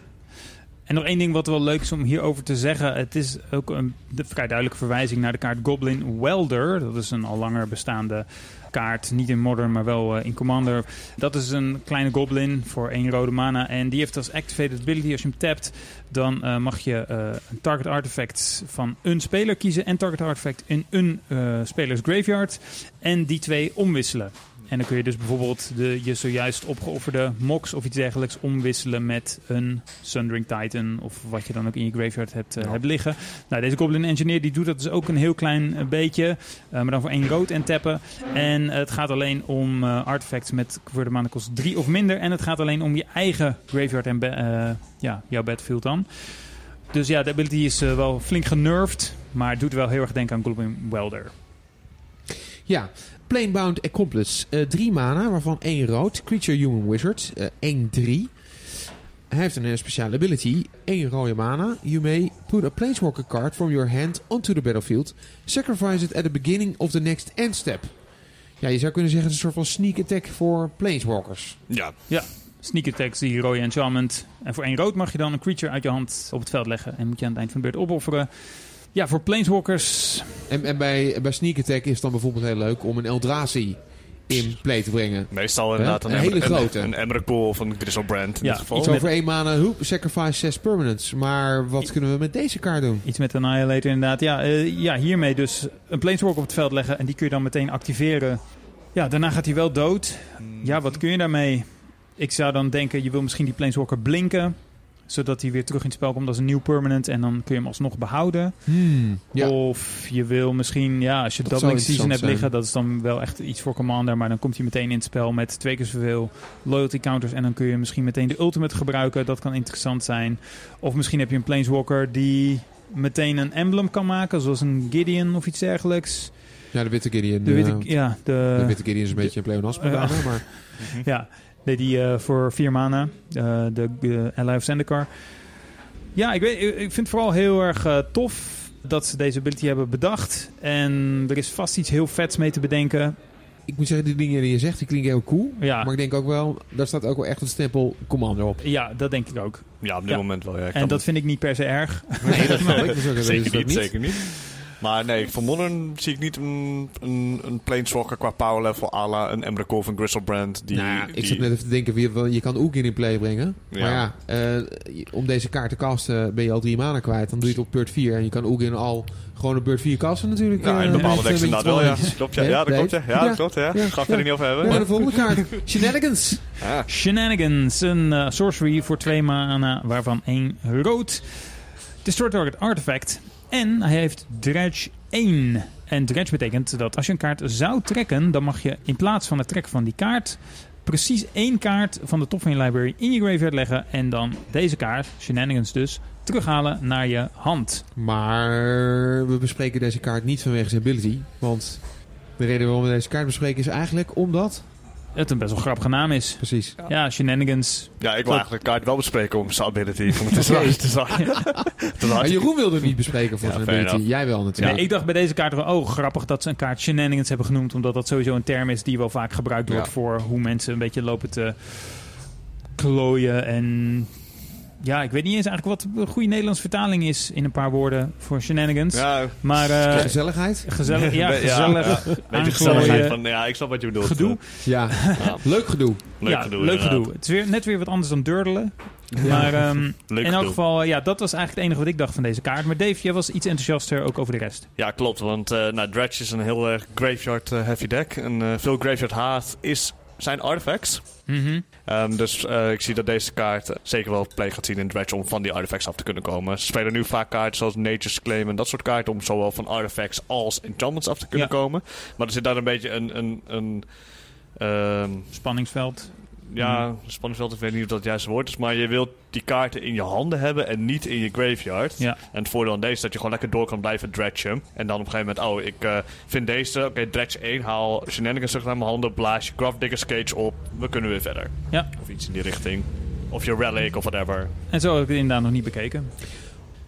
Goblin Metron, drie manen waarvan één rood. Creature Goblin, 1-1. When Goblin Metron... Metron? Zeg ik het zo goed? Matron, of Matron? Matron. Matron, Matron, Matron is het. Ja, Goblin Matron. Enters the battlefield. You may search your library for a Goblin card, reveal that card, put it in your hand, then shuffle your library.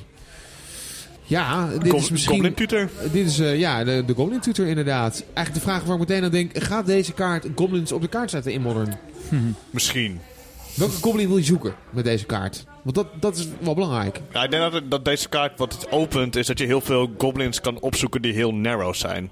Mhm. Die bepaalde abilities hebben die niet zo goed zijn tegen veel decks, maar wel tegen een aantal andere decks. Zoals heb je bijvoorbeeld een Goblin die protectie van blauw heeft, niet gecounterd kan worden. Goblin en Pile Driver. die, ja, Uit Origins. ja, die is al heel goed, maar alleen eigenlijk het beste tegen blauwe decks. En die Ja. kan je hiermee heel makkelijk opzoeken. Ja, en het was natuurlijk ook vroeger zo dat je, je had in Legacy had je echt wel een goed Goblin deck. Mhm. En Nog steeds die, trouwens. En die leunde, maar die leunde heel erg op, eh, op de Golden Pile Driver met Protection van Blue. Ja. Alleen in Modern is blauw niet zo prevalent. Dus ja, ik, ik, zie, ik, zie het, ik zie het voorlopig nog even niet. Nou, ik denk dat, dat wat we nu ook missen is dat er heel veel goblins al zijn die met hele narrow abilities die we gewoon even vergeten. Maar die worden dan nu een stuk interessanter. Zeker Ja. post Cyborg is dit denk ik wel een goede toevoeging. Nou, laat ik het wel zo zeggen. Voor elke Goblin die er hierna nog uit gaat komen, is dit een hele interessante kaart ook. Ja. Dus eh, ik denk dat het nu nog niet genoeg is, maar misschien, wie weet, in de toekomst. Ja, De volgende kaart is Lava Dart. Een instant voor één rood. Doet één schade aan any target. En hij heeft flashback. En de flashback kost is Sacrifice a Mountain. ja het is eh, de, in sommige decks waarschijnlijk de Gutshot vervanger. Eh, er zijn al een aantal decks die spelen Gutshot, voornamelijk Phoenix decks en decks met Fatus Looting. Gutshot was... Eén fraction rode mana, Ja. doe één schade. gratis, doe één Ja, dus. Ja, inderdaad. ook al Ja. twee leven, maar... Ja. Mhm. Maar in ieder geval, de, omdat de flashback kosten quote-unquote bijna gratis is, of in ieder geval goedkoop, eh, zien deze, eh, en omdat je hem vanuit je graveyard kan casten, zien de mens, eh, men deze als een soort van, nou ja, eigenlijk gewoon een good shot Ja, vervanger. je- Maar maar je waarom kan, hebben... nou, je kan eigenlijk, wat belangrijk is, je kan voor één mana kan je twee spels casten. Ja, klopt. En eh, zeker voor een Arlax Phoenix deck, eh, of misschien wel Storm eventueel. Ja, ik weet ja, niet of dat eh, relevant is, maar ja, dat is eigenlijk gewoon de sterkste ability. En bijvoorbeeld ja. ook met, met eh Finger in the Eyes, Ja. één mana twee spels. Ja, je kan heel snel afgaan. Maar waarom hebben we een vervanger nodig voor Gutshot? Nou, niet, niet per se een vervanger, maar meer een alternatief, Ja, laat ik het zo zeggen. Extra kopie. Ja, extra kopie. Ja, de volgende kaart eh, is eh, Pillage. Is voor één generieke mana twee rood. Destroy target artifact or land. It can't be regenerated. This is sorcery. Hmm. Ja, zelf word ik niet natuurlijk heel blij van deze kaart. Maar andere mensen om ons heen dat wel. Dat Ja. is omdat natuurlijk deze kaart heel erg goed is in een deck dat heet Ponza in Modern. Ook wel bekend als Land Destruction. Ehm, En jij speelt zelf eh, regelmatig En is- Tron? ja, of daar ben je wel eens mee gesignaleerd met een Ja, Tron-deck? af en toe inderdaad, soms. Soms. En eh, dan vind je het niet zo fijn als je Tron-landjes gesloopt worden, want daar draait je hele deck om. Precies. Ja. Maar eh, waar het En vooral je heel... artifacts trouwens ook niet. Exact, ja. Ja. Dat is inderdaad, artifacts is inderdaad het probleem waar Ponza heel veel moeite mee heeft. Heb ik mij horen vertellen. En zeker omdat ze nu deze kaart mainboard kunnen spelen tegen artifacts, worden Ponza-spelers daar heel erg blij van. Hm. Hè, Casper? En eh, ja, hij werkt ook weer lekker met Broadblade 11, hè, natuurlijk. Ja, precies. Zo, daar even in cascaden, ja. En de laatste kaart in rood, Reckless Charge. Een sorcery voor eh één rood. Eh, target creature gets plus 3 plus 0 en haste tot het einde van de beurt. En deze heeft ook flashback voor eh drie mana, waarvan één eh, rood. Ja, deze slot eh, direct eh, in eh Killfiend decks. En wat nou, Killfiend is een eh 2 mana eh 1-2 elemental beast, waarvan 1 rode mana overigens. Whenever you cast an instant or sorcery spell, Killfiend gets plus 3 plus 0 until end of turn. Dus je kan Killfiend dus eigenlijk heel snel heel erg sterk maken. Het probleem van Killfiend zijn twee dingen. Eén, het kan niet grinden. Dat kan nog wel eens een probleem zijn. En Killfiend heeft geen haste. Dat zijn de twee zwaktes die het deck heeft. En Reckless Charge is de kaart die dat allebei geeft. En eh, daarom denk ik dat door Reckless Charge de Killfiend decks daadwerkelijk goed gaan worden. Het was, ze, mis, ze waren er bijna. Dat was een beetje een ding. Ja, want je cast dus een Reckless Charge op je Killfiend. Nou, die krijgt dus meteen plus 6 plus 0 en, haste. Dus je valt dan aan voor 7. Ja. En het speelt ook allerlei andere spells, bombspels, waar die dus dubbel werken eigenlijk. Ja, ik zie het nog niet zo, als ik heel eerlijk ben. Maar misschien komt het omdat ik graag van eh Jundex hou. Of, eh, en dan denk ik van, oké, hier... eh Precies. Dit is Assassin's inderdaad een Trophy slechte... ja. of... eh, Het is inderdaad een slechte Decay. tegen, tegen deck, inderdaad. Maar eh, een van mijn maten speelt wel Killfiend decks en die eh, was helemaal lyrisch het feit dat Reckless Charge nu eindelijk Modern League wordt. Oké, nice. Opkomen. En volgens goed Wooburg gebruik zijn we aanbeland bij groen. Eerste groene kaart van vandaag is Hexdrinker. Voor één mana heb je een eh, snake. En die eh, begint als een 2-1. Maar hij heeft ook level up voor één generieke mana. En eh, level up, ja, dat is ook weer een eh, terugkerende mechanic.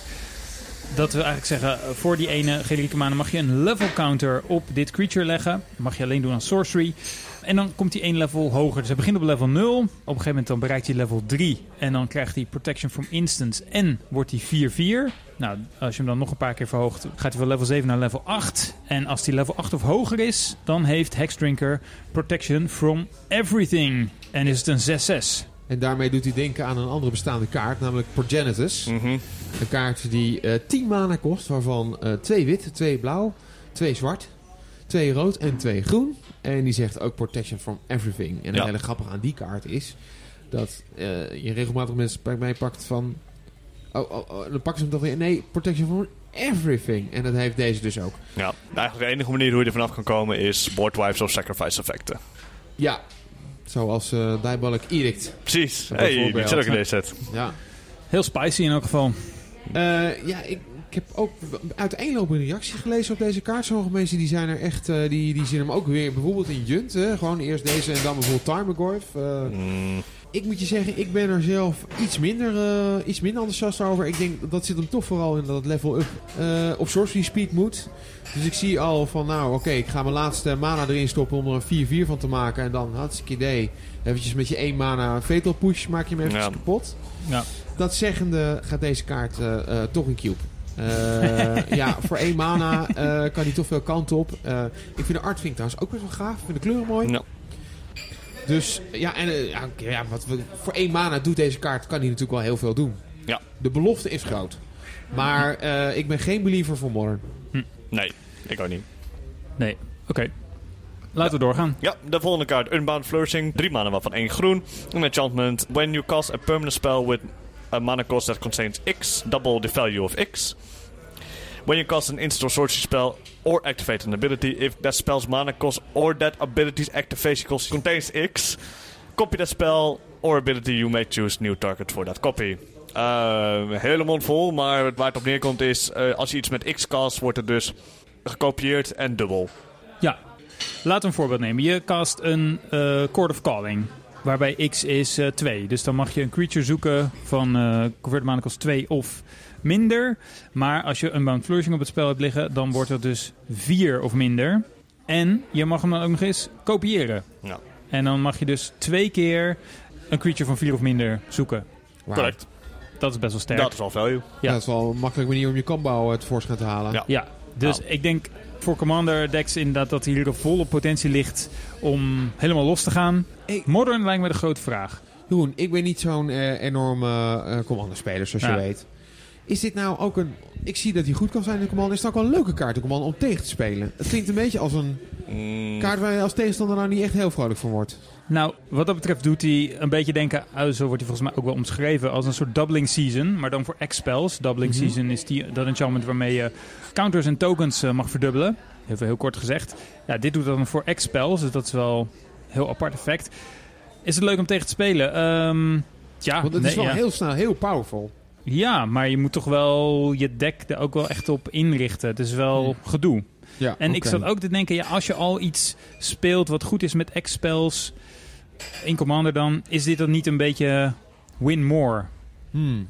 Zat ik te denken. Maar Nou, ik denk het niet. Ik denk dat het gewoon, zeker omdat het drie mana is, dat, eh, dat je hem echt wel ja, goed ik, is. maar ik, moet dit, er- ik heb me nog, denk ik nog niet genoeg erin verdiept om te kunnen zeggen dat dit eh, niet goed genoeg is. Ik, ik denk dat dit wel keihard gebroken kan worden. Eh, dat gevoel heb ik gewoon, maar ik weet nog niet precies de, de precieze kaarten of omstandigheden. In ieder geval, in ieder geval maat van mij die een X-spel Commander deck speelt, die is heel, helemaal blij met deze. Tof. Port of Vigor. Vier mana, waarvan twee groen. Instant. If it's not your turn, you may exile a green card from your hand rather than pay this spell's mana's cost. Destroy up to two target artifacts and or enchantments. Ja, de tweede eh pitchspel die we bespreken, we maar. De, de tweede voorspel. Ja. Nou, klinkt als een interessante kaart. Ook voor Modern. Maar er is een nieuwe ontwikkeling in Modern. En jij kan er iets ook meer over vertellen, eh, Dave. Ja, dat is een, eh, een combo gecombineerd met eh Karn the Great Creator en Magnificent Lattice. Dat Ja, wat is- doet die combo ongeveer? Of precies? Het zorgt ervoor... Precies. Eh, precies, het, het zorgt ervoor dat uh, Mikkelsen Lattice maakt van alles een artefact. En eh Karn zegt dat activated abilities van artifacts niet ge- geactiveerd komen mogen worden. Kortom, eigenlijk je kan niks meer activeren. Ja, inclusief tegenstander land. kan niks meer activeren. Ja, je tegenstander kan niks meer activeren, Nee. inclusief land. Nou, mocht je deze kaart tegen die combo in willen siden, dan wens ik je veel succes. Dat kan namelijk niet. Want Micros Letters heeft nog een beetje verborgen regel dat alles kleurloos wordt, inclusief de kaart in je handen. Dus dan kan je dus ook voor zo'n figure niks aan pitchen. Want alles is kleurloos. Een leuke combo is het toch ook? Heerlijke combo. Ja, want, uh, maar waar deze kaart wel goed tegen, tegen is, is Blood Moon. Vaak wordt Blood Moon gespeeld tegen decks met weinig basics. Of uh, wordt gezien als een lock tegen dat. En uh, voor zo'n wicker kun je gewoon uit je handen kasten zonder een basic te hebben. Dus daarmee is, wordt wel een stuk minder.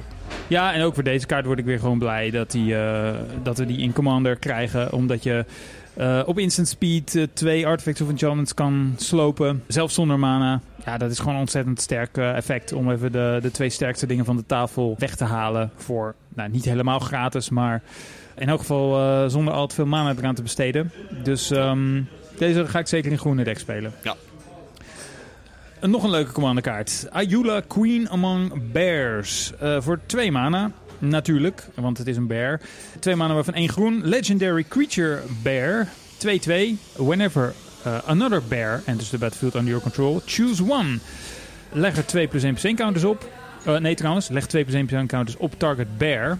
En uh, de andere optie waar je het kan kiezen. Target bear you control fights target creature you don't control. Ja, dit vind ik heel tof omdat we nog nooit een legendarische beer hadden volgens mij. Dus deze kan je commander worden. Natuurlijk extra leuk in een berendek. Nou, er zijn intussen al best wel veel beren geprint. Ik vind het ook grappig omdat bear in het algemeen wel de term is die gebruikt wordt voor creatures die twee manen kosten en 2-2 zijn. En daar zijn er ondertussen al best wel veel van in de geschiedenis van Magic. Van de oorspronkelijke kaart heet ooit Grizzly Bears. Ja, ja. ja daar is het uh, van afgeleid en een soort uh, hommage daaraan. Ja, gewoon een hele leuke commander. Leuk dat je nu Bear Tribal kan, uh, kan gaan spelen. En uh, ik denk dat het best wel een sterk deck uh, kan zijn. Mm -hmm. Je ja, kan dus bij, bij de eerste, nou ja, je, je legt deze neer. Op beurt 2, op beurt 3 speel je nog een Bear. Dan kun je van Ayula een 4-4 maken. Vervolgens bij de volgende Bear die je speelt kun je deze laten fighten. En dat sloopt bijna alles wat op dat moment op het veld ligt. Nee, maar dat deze kaart goed is, dat snap ik wel. Alleen ja. waar ik me afvraag is, zijn er voldoende goede beren om een commandodek mee te vullen? Hmm, Oké, okay, dat is wel een goede vraag. Ja. Um, Want met grizzly beren kom je dan toch niet zo ver hoor? Nee, dat is waar. Uh, misschien is dit een goed punt om uh, op te merken dat er in deze set ook uh, veel changelings zitten. Dat zijn dus creatures die... nee, vind je niet? Nee, oh jawel, jawel, jawel. Maar in, in, dan denk ik toch, dan heb je een, een, een berendek vol met changelings. Ja. Ik word daar, ik word nee, daar niet, een beetje misselijk van. Ja. Nee, niet vol met, maar uh, als aanvulling, zeg maar. Ja. De changelings zijn dus die creatures die elk creature type zijn op elk moment. Dus die zijn ook uh, illusions en ook wizards en ook shapeshifters en ook beren. Dus daarmee zou je het kunnen aanvullen. Ja, oké, okay, dat is inderdaad een beetje een zwaktebod. Um, ja, oké, okay, het wordt nog misschien een beetje stretchen. Ja, oké, okay, goed punt Arjan. Maar het kan. En dat maakt het leuk. Het kan en dat maakt het leuk. Kan leuk. En als je wel van shapeshifters houdt. Of changelings, changelings ja. dan uh, is het een prima optie. Of je gaat het nieuwe format uh, Oathbreaker spelen. Daarin speel je maar 60 kaarten, singleton, in plaats ja. van uh, 100. Dus dan hoef je al wat minder uh, Welke spel zou je daarbij kiezen? Misschien moet eventjes, nou ja, zullen we niet, zullen we niet uitleggen wat Oathbreaker inhoudt? Laten we dat blijven skippen. Gaan we een andere ja. keer. Oké. Okay. Volgende kaart. ja. Collector Oef. Oef. Uh, twee manen waarvan één groen. Een, uh, uh, hij is 2-2. En, ook een soort bear. Ook een bear, maar toch ook weer niet, want dan zeg ik een oef. Ja. En um, activated abilities of artifacts can't be activated. Nou, okay. Wizards heeft zich voorgenomen om een, een, een, kruisvaart tegen de artifacts aan te aan te grote zaggerijn van Arjan. nou ja, nou ja, ik ga gewoon niet anders spelen, joh. maar, Kolonist van Catan.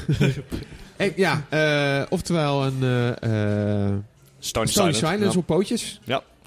Ja, ik vind dat te gek, want dit kun je koorden. Hè? Je kan het op tutoren met... Het is ook een beetje een soort van rode draad in, in, in deze... De, Court of Calling, Alles je, je waar, hebt het heel vaak over die kaart. Ja, elke kaart die gehit wordt de Court of Calling vind ik goed. Want ik speel heel graag een deck met Court of Calling. En met uh, Collected Company, die, uh, waar deze ook precies onder past. Uh, ja, en dat hij in dat pootjes heeft, dat, dat maakt hem dus heel uh, bijzonder. Want dat hadden we nog niet. Een soort Stony Silence effect. Nee. Uh, dat je op die manier kan tutoren. Ja, dus, dus ik denk nu... al met al, ja, we zijn nu we hebben een paar kleuren besproken. We hebben al best wel veel zeg maar, nieuwe tools gezien voor groen gebaseerde creature decks. Ja. Dus ja, dat zou best wel een boost kunnen krijgen op deze manier. Ja, dus nu hebben we het Stony Silence effect op een enchantment, een creature en een artifact. Goed, volgende kaart. Eh, Deep Forest Hermit. 5 mana voor een elf druid. 5 mana waarvan 2 groen, moet ik zeggen. Een 1-1 krijg je dan met Vanishing 3. hey, wat was dat ook weer? Die zegt dat hij in het spel komt met drie time counters. En aan het begin van je upkeep hou je een time counter ervan af. En als de laatste ervan afgehaald wordt, dan moet je het creature opofferen. Dus hij gaat, nadat je hem hebt gespeeld, gaat hij nog, drie beurt, nog twee beurten mee. Nee, nog drie beurten mee. Drie Ja, beurten. ik moet je zeggen, ik nee, heb... twee eh, beurten. Twee beurten. Ik Twee heb beurten. niet met deze mechanic gespeeld toen hij echt in standard was. Maar eh, de kaarten die ik wel ken met Vanishing, die hebben meestal Vanishing 1 of 2. Ja. Dus 3 is best wel lang. En eh, er staat nog meer tekst op. Als die in het spel komt, dan mag je ook nog eens vier groene 1-1 squirrel, oftewel acorns, eh, tokens creëren. En alle squirrels die jij controlt, die krijgen plus 1 plus 1. Oftewel 4, 4 2 tweetjes. Precies. Dus voor 5 mana heb je 10, 10 aan power. Zeg ik het nee, zo goed? nee, 9. Want hij is zelf geen squirrel. Oh ja, verdorie. Ja. Dus 9. 9, 9 aan power. Nou, Ja. dat, eh, dat is al best wel goed. Dit is natuurlijk een callback naar Deranged Hermit. Dat was ongeveer dezelfde kaart, maar die had Echo in plaats van... Betekent dat je Vanishing. de casting cost nog een keertje moet betalen. Ja. Als je wil dat eh, de creature eh, op tafel blijft liggen. ja. En in het algemeen zien mensen deze Deep Force Hermit als een betere versie van Deranged Hermit. Uh, ja, omdat je die cost niet nog een keer hoeft te betalen. En die twee beurten dat hij meegaat, dat is eigenlijk al best wel lang. Uh, zeker in Commander heb je in die tijd al wel weer een boardwipe voorbij zien komen. Um, in de tussentijd kun je die squirrels al lang gesacrificed hebben of iets anders meegedaan hebben. Ik denk eigenlijk het belangrijkste is, is dat de Deep, Deep the Range Hermit op de reserve list staat. En daarom nooit gereprint mag worden. En deze is eigenlijk een betere versie daarvan. Oh ja, ja. nou goed, zorgt- dat is voor Commander niet zo heel interessant. Nee. maar uh, inderdaad voor... Uh, maar dat maakt wel een interessante discussie open of dat vaker wellicht gaat gebeuren. Ah. Kaarten die dus wel op de reserve list staan, maar dan een betere versie van Weet je zeker dat die beter is? Weet je zeker? Ja, ik- heb namelijk een dure Judge Foil van die andere. Ah, En ik ga ze niet allebei spelen. dus eh, ik, ik blijf nog eventjes vasthouden aan het idee dat deze niet minder goed is. Dankjewel. oh, je denkt vanuit monetaire value. Ja. Oké, eh Llanowar Tribe. Eh, drie groene mana. Een elf druid, een 3-3. En die produceert eh, groen, groen, groen. Nou ja, eigenlijk helemaal niet zo'n hele opvallende kaart. Hè. Een leuke rampkaart, maar eh, ja, een lightning bolt. Dus eh, gaat dood lightning bolt. We kunnen niet Mhm. al te veel verwachten. Maar eigenlijk het meest opvallende aan deze eh, kaart vind ik de reactie van de community. Want die was niet bepaald positief op een of andere manier. Oh. Hebben jullie daar iets van meegekregen? Ik weet wel door, dat, door wie hem heeft gespoild, maar ik heb de hele, hele Fallout niet meegemaakt. Vertel. Nou ja, de Fallout. eh, eh, het, het was zo dat op een gegeven moment het hele internet vol stond met een beetje eh, cynische kaarten van... Oh, ja, waarom hebben ze niet Goblin Guide keer 3 gemaakt? Of eh, eh, die keer 3 en weet ik veel wat. Ja, dus dat ze zeg maar allerlei kaarten... Ze vonden het... Het kwam een beetje op... het verwijt wat we wel vaker hoorden is eh lazy design. ja. Maar ik zie eigenlijk gewoon een grappige kaart. Hmm. ja. Dus... eh, Het zou wel Ja, cool zijn. was Drie, inderdaad gewoon, drie ja. keer Emrakul. Je Ja, hebt en vijf- wat- 45 mana betaald. En wat voor- ook nog wel even een leuk detail is om te noemen, is dat op uh, Tribe, zeg maar, nou, we hebben de Llanowar 11. En eh, die heeft in de loop der jaren verschillende versies gehad. En eigenlijk staat elke art nu op deze kaart vertegenwoordigd. Ja, Dus we leuk. zien drie soorten elfen van die alle drie op die kaart hebben gestaan. Ik vind dat toch moeilijk te herkennen. Ik heb echt tien keer naar al die verschillende versies zitten kijken. Maar die gast met oranje haar... Ja, is dat dan die rechter? Oranje haar. Ja, op de eerste versie van Llanowar Elves als zo'n zo'n dude met oranje haar en een soort tatoeage op, op de zijkant van zijn hoofd. Ja. Dat vind ik dan toch niet helemaal... Nee, daar heb je wel gelijk in. Hoeveel Nou. 11 zijn er al geweest? Volgens mij maar... Nou, qua art vier of vijf verschillende of zo. Nee, ik weet niet precies. Nou goed, misschien is eigenlijk alle haat voor deze kaart dan toch wel terecht. ja, dat is de conclusie. waar, is de, waar is de 11 met het oranje haar? Goed, eh Nimble Mongoose. Volgende kaart. Eh, voor één groene mana eh creëer je een Mongoose. Eh, ja, soort... eh, Slang. Achterwing. is dat zo? Is het niet dat beest dat hem opeet? Ja, dat is het beest dat hem opeet. Ah, Ja, oh, dus right. het is een soort... over in het Nederlands heet dat dan Oh, mangoest. right. Ja. Mangoest. Ja. 1-1 mangoest met Shroud. Eh, dat betekent dat hij niet getarget kan worden door spells of abilities. Is niet hetzelfde als Hexproof. Hexproof eh, betekent dat hij niet getarget kan worden door je tegenstanders. En Shroud is eigenlijk iets onhandiger, want dan kun je hem zelf ook niet targeten. En deze kaart heeft ook Threshold. Nou, ook weer iets eh ouds. Volgens mij het Odyssey blok. hij krijgt plus 2 plus 2 als je 7 of meer kaarten in je graveyard hebt liggen. Dus dan is het een 3-3'tje. Ja. Voor één mana. Nou ja, ik ben heel erg eh, enthousiast over deze kaart, want het is een mainstay in een leuk legacy deck in elk geval. Dat heet Teamer Delver. Dan speel je dus eh, alleen maar goedkope creatures. Dat is dus Nimble Mongoose, Tarmogoyf en Delver of Secrets. En ik vind het tof dat nu Nimble Mongoose ook Modern Legal is. Want wellicht zien we nu een, eh, een Teamer Delver deck ook komen in Modern. Grappig. De laatste kaart die, eh, die we willen gaan bespreken is Skill Up. Eh één groene mana sorcery. Until the end of turn, target creature you control becomes a green worm with base power and toughness 6-4. En dan ook nog overload voor 6 mana. Nou, de overload kost is niet zo heel interessant. Want dat nee, maar we moeten zo... wel even vertellen wat het doet. Want overload betekent dus eigenlijk dat je alle, eh, alle keren dat er target op de kaart staat vervangt door each. Oftewel, de tekst van de kaart wordt dan tot het einde van je beurt... worden alle creatures die jij controlt groene wormen met power toughness 6-4. Wat ook nog wel grappig is, is dat Overload vooral eigenlijk tot nu toe gekoppeld was aan blauwe en eh, rode kaarten. Klopt. Dus dit is de eerste over, groene Overload kaart, volgens mij. Volgens mij ook inderdaad. Ja. Maar goed, waarom ben je enthousiast over deze kaart, ja, Dave? enthousiast niet per se, maar wel eh Infect-spelers eh, worden er wel heel enthousiast voor. Want Oh. het belangrijkste is, is dat eh, meestal bij dit soort spels staat ook nog de tekst... And loses all abilities that creature controls. Dat heeft deze kaart dus niet. Dus in feite, als jij dus je Llanowar Elves hebt liggen... wat dus een 1-1 met Infect is... wordt het dus op beurt 2 een 6-4 met Infect. En dan ben je al op eh, 16e van alle schade die je moet doen. En ehm, de Infect-spelers die ik ken en gesproken heb... die zijn heel erg enthousiast over deze kaart. Ja, ik heb van de Infect-spelers een beetje wisselende geluiden gehoord. Sommige mensen waren inderdaad heel erg positief. En eh, eh, anderen die vallen toch een beetje over het grote nadeel van deze kaart. En dat is natuurlijk dat het een sorcery is. Ja, Eh, er zijn al heel veel pompspels. Uiteindelijk, kijk, je kan je afvragen van, nou, je moet in principe 10 effect damage doen. Dus je kan ergens zou je kunnen zeggen, maar je, je slaat iemand niet in één keer dood met deze kaart. Eh, Dus je zou ook kunnen zeggen van, nou goed, eh, Might of Old Croza bijvoorbeeld. Die, eh, die doet, of eh, wat is die ene kaart dat je met Landfall eh, plus 4 plus 4 krijgt? Groundswell. Hm. Groundswell. Ja, dus die is dan beter dan deze kaart, zou het dan net zijn. Ja. Er zit natuurlijk ook weer een ability aan.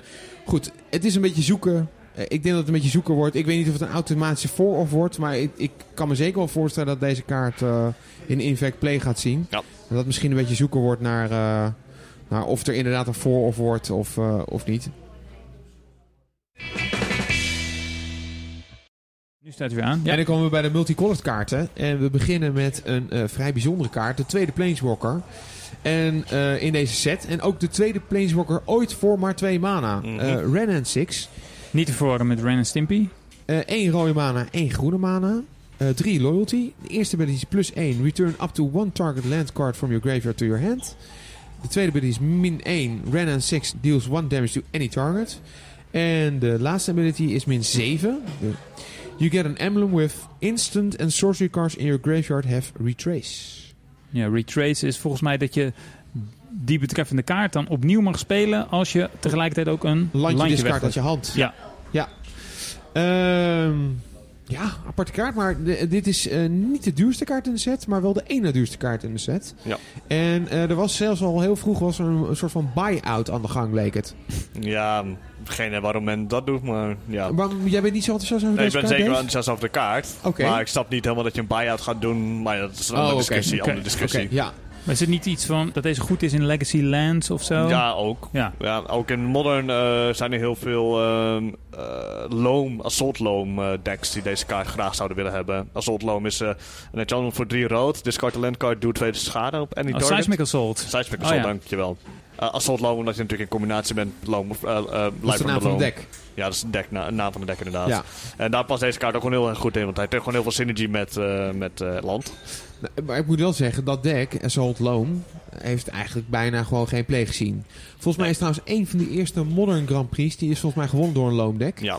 Maar ja, wat, de enige reden waarom ik een klein beetje sceptisch ben over deze eh, kaart, maar ik, ik, ik zie het graag gebeuren hoor, is eh, dat ja, Modern is gewoon een heel snel formaat. En dit lijkt een beetje te zijn voor een deck wat, wat, niet, zo, eh, wat niet zo snel is. Hm.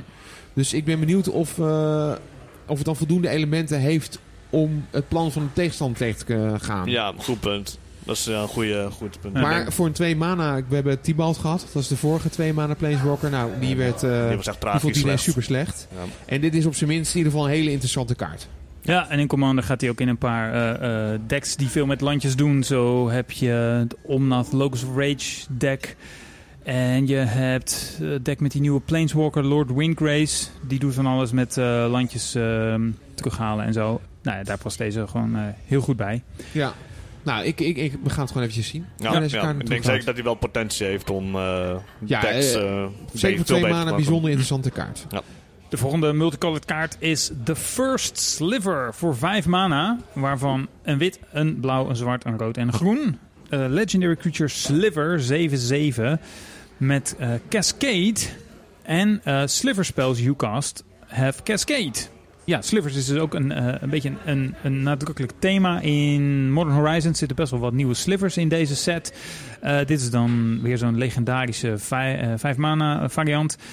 Eh, ja, en Cascade zegt dus dat op het moment dat je deze spel cast, dan ehm, mag je kaart revealen van de top van je library. Totdat je een spel tegenkomt die minder kost dan deze spel. Dus 4 of minder. En die mag je dan gratis casten. Ja, dus als je een eh, drie mana sliver cast, dan mag je net zo lang door je deck heen tot je een 2 of Ja. een 1 mana of misschien zelfs een 0 mana sliver vindt. Ja, Het belangrijkste eigenlijk aan deze is dat als je deze cast, is de kans heel groot dat je een 5 Kaart mana, vindt, sli moet je vijf mana sliver, een 4 mana sliver, een 3 mana sliver, een 2 mana sliver en een 1 mana sliver gaat vinden. Ja, ja alleen. Dat is een goeie, ja. eh, eh, dat is waar. Alleen Oh. op het moment dat je deze cast, dan ja, ligt deze zelf nog op de stack. punt, Dus ja. dan hebben je andere sliverspels nog geen Nee, cascade. Maar punt. alle. Zodra deze op het veld ligt, dan eh, heb je inderdaad dat je kan gaan eh, ja, chainen. chainen inderdaad door je deck. Ja. Ja, Wellicht, Slivers is al wel een ding in Modern. Ja. Slivers is al wel een ding in Commander. Eh, leuke aanvulling voor vijf maanden. Weet ik niet of dit in Modern nou zo goed is. Mm, Misschien ik is het een beetje nou, Ik denk wel in slivers omdat je ook heel veel ramp hebt in slivers.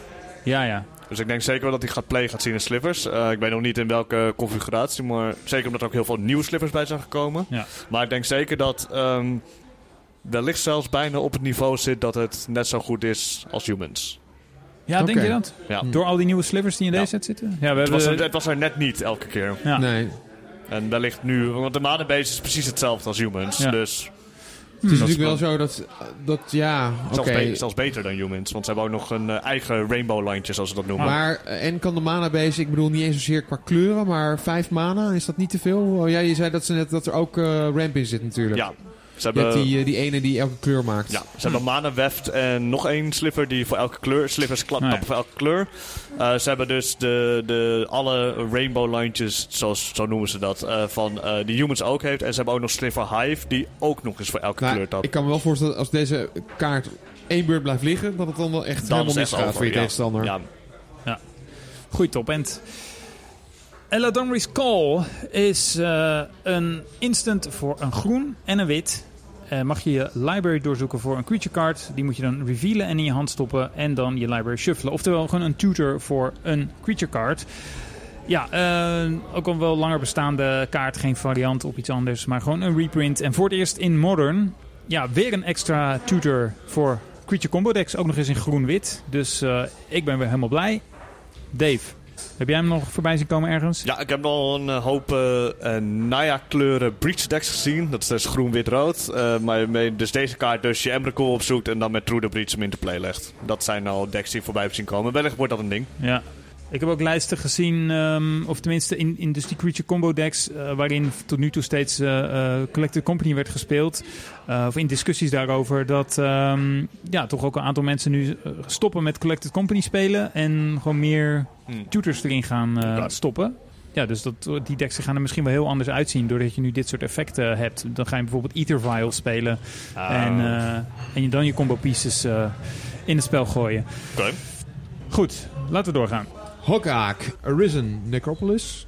7 mana, waarvan 2 hybrid mana. eh, Golgari hybrid mana. Legendary Creature Avatar, 8-8. Nou, hele bijzondere eerste tekst namelijk. You can't spend mana to cast a spell. Dus je kan hem niet casten door eh, ja, gewoon je mana te gebruiken. Maar hoe kan je hem dan wel casten? Door middel van Convoke. Oftewel eh, je beestjes steppen om hem eh, te casten. Of met. En dat betekent dat je kaarten uit je graveyard moet verwijderen om eh, de mana kosten te betalen. En eh, je mag hem dus casten vanuit je graveyard. En hij heeft ook nog eens Trample. Dus met Delft kan je voornamelijk met de, de generieke mannen betalen. En met Convo kun je dus de groen-zwart eh, dubbel betalen. Dat is het idee. Ja, nou ja, ik, ik, eh, ik heb al eh, eh, modern decks gezien met, dit, met deze kaart. Met Vengevine en Altar of Dementia en zo gaat man al helemaal los. Mhm.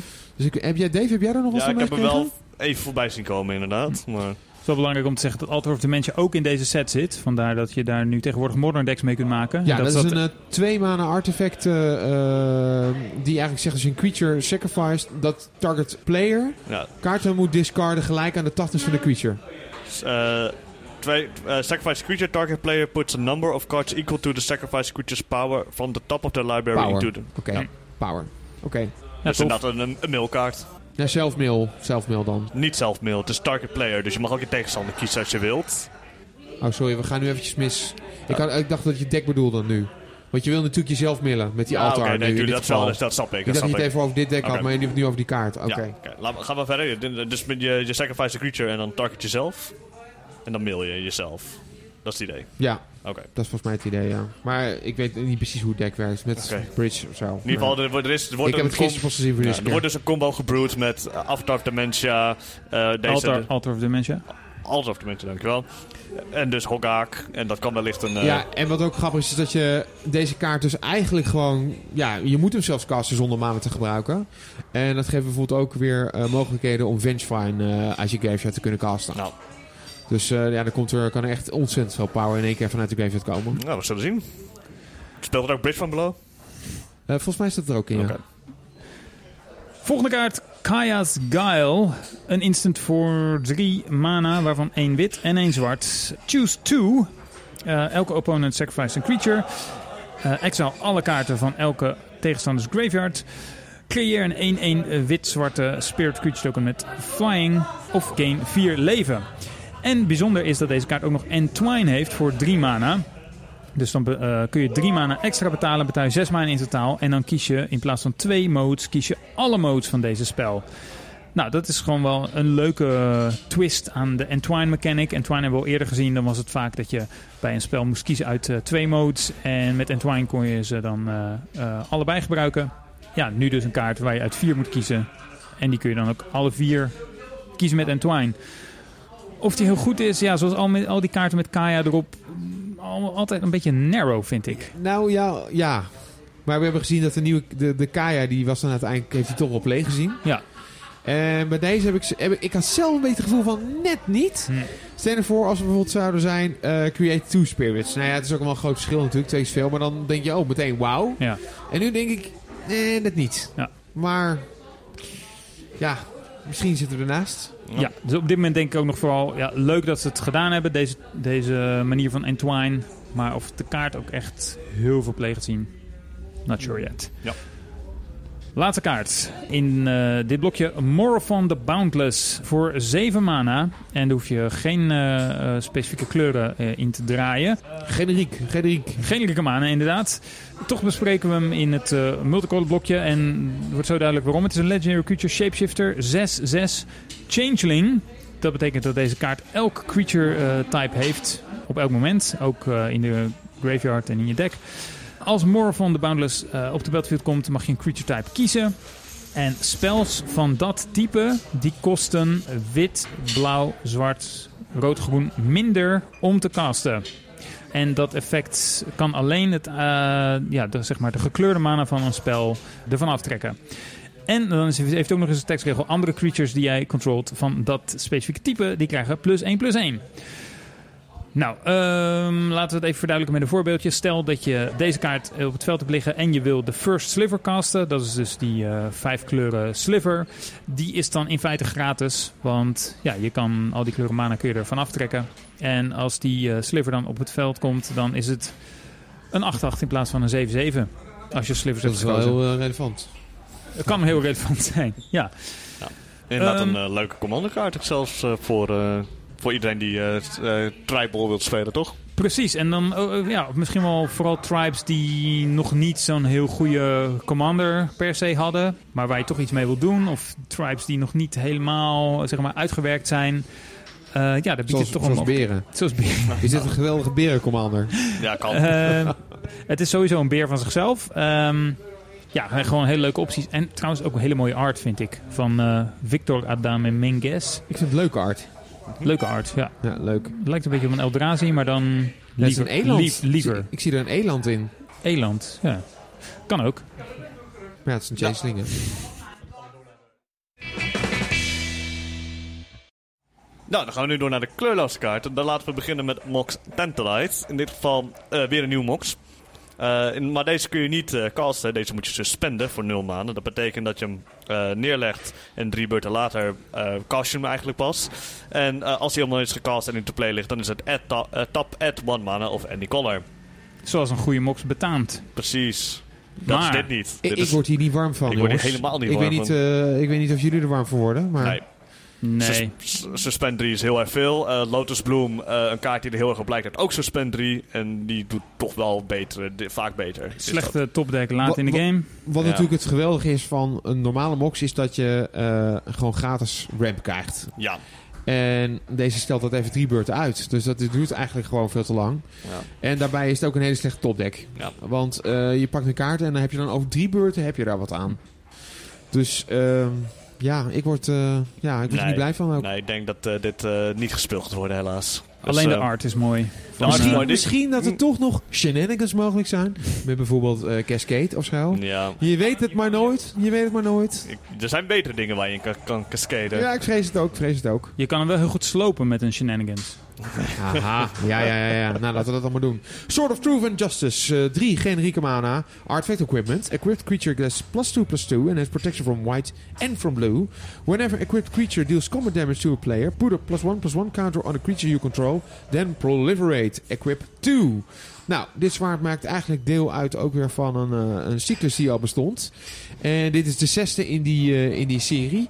Vroeger werden de zwaarden die werden echt een beetje als overpowered gezien. Hè? Ook in standaard waren ze echt eh, bijzonder, bijzonder sterk.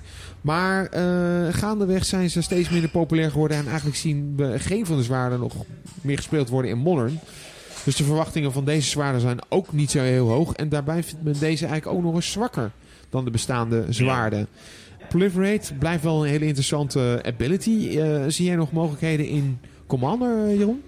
Nou ja, alleen in heel specifieke decks. Ik weet wel, een vriend van mij die heeft een, eh, een, een cube waarin wel een paar eh, zwaarden zitten. Maar dat zijn dan inderdaad de wat oudere soort of Fire and Ice en dat soort dingen. En die, die doen het daarin wel goed. Ja, dit vind ik ook een beetje underwhelming. Het idee van die zwaarden is trouwens van die cycle dat ze steeds protection geven van, van twee kleuren. Ehm, in dit geval dus white en blue. En eh, er zit nog een andere, ander zwaard in Modern Horizons. eh, dat nieuw is, Sword of Sinew and Steel.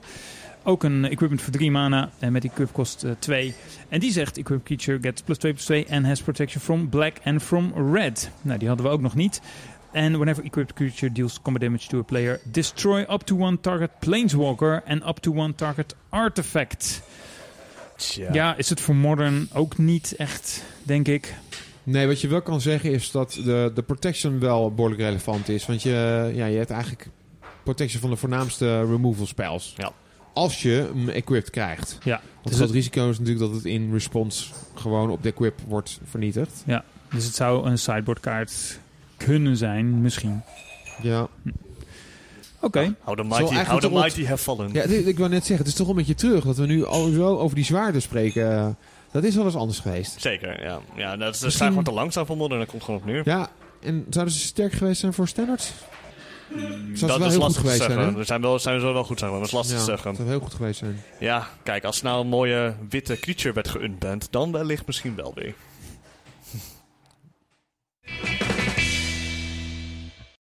We zijn bij het laatste blokje aanbeland. Dat zijn de landjes. Ah, aanbeland. Zo, nice. Goeie, goed gespot. Eh, no pun intended. Maar we gaan het eerst even hebben over de snow-covered eh, eh, basics. Ja, hebben we eigenlijk al een klein beetje besproken toen we het over de snow permanent types hadden. Ja, eh, vijf nieuwe snow-covered basic lands, geïllustreerd door Tiets Lunter. En je krijgt er eh, sowieso eentje in elke booster. Ja. Dan gaan we door naar de cycle landjes. Weet je, nou, je zei al dat jij niet warm werd van snow. En dat vind ik ook niet zo gek dat je niet warm wordt van snow. Maar het enthousiasme waarmee dit besproken wordt... Dat, eh, eh, ja. Goed, oké, we gaan Ja, naar de volgende. Nou, dan, ja. Basic landjes, ja. Door naar de cycling landjes, yep. Dank je. Dus eh, ja, cycling is dus een ding in deze set. En eh, wat onder andere cycling heeft, is een vijftal eh, eh, landjes die we al kenden. Eén voor elke kleur. Komen getapt in het spel. Ze tappen voor een kleur. En ze hebben cycling van specifiek die kleur. Bijvoorbeeld dan eh, Tranquil Thicket. Komt getapt in het spel, tapt voor een groen en cycelt voor een groen. Dus dan mag je hem discarden en elkaar trekken. Ja, heel veel mensen wilden deze eigenlijk heel graag gewonnen hebben. Want dan kunnen ze dingen met cycling gaan doen. En ook met Ancestral Drift nu eh, willen ze losgaan. Of, of het daadwerkelijk goed genoeg is voor Modern, dat durf ik nog niet te zeggen. Maar de potentie is er. En ook weer live from the loam. Dus een Ja, spel waarmee je weer landjes uit je graveyard kan halen, et cetera, et cetera. Ja. Goed, volgende landje. Hall of Heliod's Generosity. Legendary land. Add 1. Generieke mana. En dan... Nee, eh, colorless. Colorless mana. Zelfs dit keer. Het is heel specifiek. Oh, jeetje. echt, Ik word er ook zo zenuwachtig van. Jeroen soms. Oké, één colorless mana. En eh, eh, dan eh, heb je ook nog een activeringskost. Dat is twee mana waarvan één wit. En dan moet je dit landje tappen. Put target enchantment card from your graveyard on top of your library. Klinkt Nou, we, heel hebben bekend. al, we hebben al een paar kaarten gehad die hier een beetje op leken. Eh Volrath Stronghold. Daarmee kon je hetzelfde voor creatures. Mhm. En de tweede is eh, Academy Runes. En daarmee kan je artifacts terug bovenop je Ja. deck leggen. En die is in de blauwe kleur. Die is in de blauwe kleur. Ja, is. Stronghold in de groene kleur toevallig? In de zwart. Zwart zelfs. Oké, In het zwart. Oké, dus Maar die is niet modern legal. Nee, precies. Maar dit is, het, voelt, het voelt als een soort van uitgestrekte cycle. Voelt dit. Ja, wel interessante kaart. Eh, Enchantments zijn niet zo heel relevant in modern. Maar ik kan me wel voorstellen dat bepaalde commander decks hier eh, vrolijk van worden. Ik kan jullie ook een beetje verklappen dat ik met een nieuwe cube bezig ben. En dat deze kaart daarin heel erg leuk gaat zijn. Dus ik ben stiekem toch een beetje enthousiast Kijk, over kijk, deze kijk. kaart. Maar hij gaat denk ik niet eh modern op zijn kop zetten in ieder geval. Nee, ik denk wel een goede toevoeging in een bepaald aantal decks. Academy Runes ook in hetzelfde gespeeld. Dus deze wordt waarschijnlijk minder ook op- gespeeld. Maar wel in bepaalde decks. Ja, het is zeker een leuke tool. En ik ben toevallig bezig met het bouwen van een eh, eh, Band Chantment Commander deck. Of dat heb ik eigenlijk al af, maar ik zoek nog naar nieuwe toevoegingen. Nou, deze past daar perfect in. Ja. Kan ik mijn eh, aura's die gemold zijn of die nooit in spel gekomen zijn, omdat mijn creatures gesloopt werden, kan ik dan gewoon weer terug bovenop mijn deck leggen. Lekker. Volgende kaart, eh, volgende landje is heel bijzonder, vind ik. Prismatic Vista heeft eh, de ability tap en pay one life en sacrifice Prismatic Vista. Eh, doorzoek je library voor een basic landje, leg het op de battlefield en schud je library. Dus eigenlijk gewoon ehm, een fetch landje, maar dan alleen maar voor basic lands. Ja, maar je mag ook alle basic lands opzoeken. Dus ook snowlandjes. Ook snowlandjes, maar ook eh, het mogen mountains zijn, het mogen forests zijn. Ja. Inderdaad, helaas ook snow. Ik weet niet waarom je dat zou willen. maar het kan. Ja, Dus eigenlijk een soort eh, ja, Evolving Wild, maar dan veel beter. Want de landjes komen niet getapt in het spel. Dus je kan ze meteen gebruiken. Ja, ik denk dat dit heel goed is in alle formaten. ja dus eh, je zou niet zeggen dat dit een goede kaart is. Maar dat is hij dus echt wel. En dan voornamelijk ook in Blood Moon decks. Vooral Blood Moon decks die meerdere kleuren spelen. eh, die worden heel blij van deze kaart. Want dan kunnen ze gewoon de andere kleur makkelijker opzoeken vaak. Is er ook een reden om bijvoorbeeld deze kaart in een deck als Jun te spelen? Denk kan je eigenlijk wel gewoon de vestjes spelen, toch? Ja, dan wil je gewoon de, naar de fetches inderdaad spelen, Ja. ja. Dus op zich, nou, op zich inderdaad een goede. Als deze niet super duur wordt, heb je wel een soort van cheap-ish, fetch, eh, goedkopere fetches eventueel. Maar ik heb toch een beetje moeite om, om te voorzien dat deze kaart echt heel veel gespeeld Hij gaat gaat niet heel worden. veel plays zien, denk ik. Maar wel in een aantal decks die wel echt willen. Hij kan in ieder geval kaart in cube. Hij kan, ja, zeker. En dus Blood Moon decks. Dat is eigenlijk waar het om... En eh, eh, dan komen we aan bij misschien wel de meest eh, veel besproken landjes in deze set. Dat is de Ja. zogenaamde Horizon Cycle. ja. Jeroen, Ja, we kennen natuurlijk allemaal de kaart eh, Horizon Canopy. Nou, ik heb in een vorige aflevering al laten ontvallen dat dat misschien wel mijn favoriete kaart eh, uit Magic is. Horizon Canopy, een, eh, een, een landje dat je kan tappen voor een groen of een wit. En dan moet je een leven betalen. Of je kan hem een mana betalen en hem opofferen. En dan mag je een kaart trekken.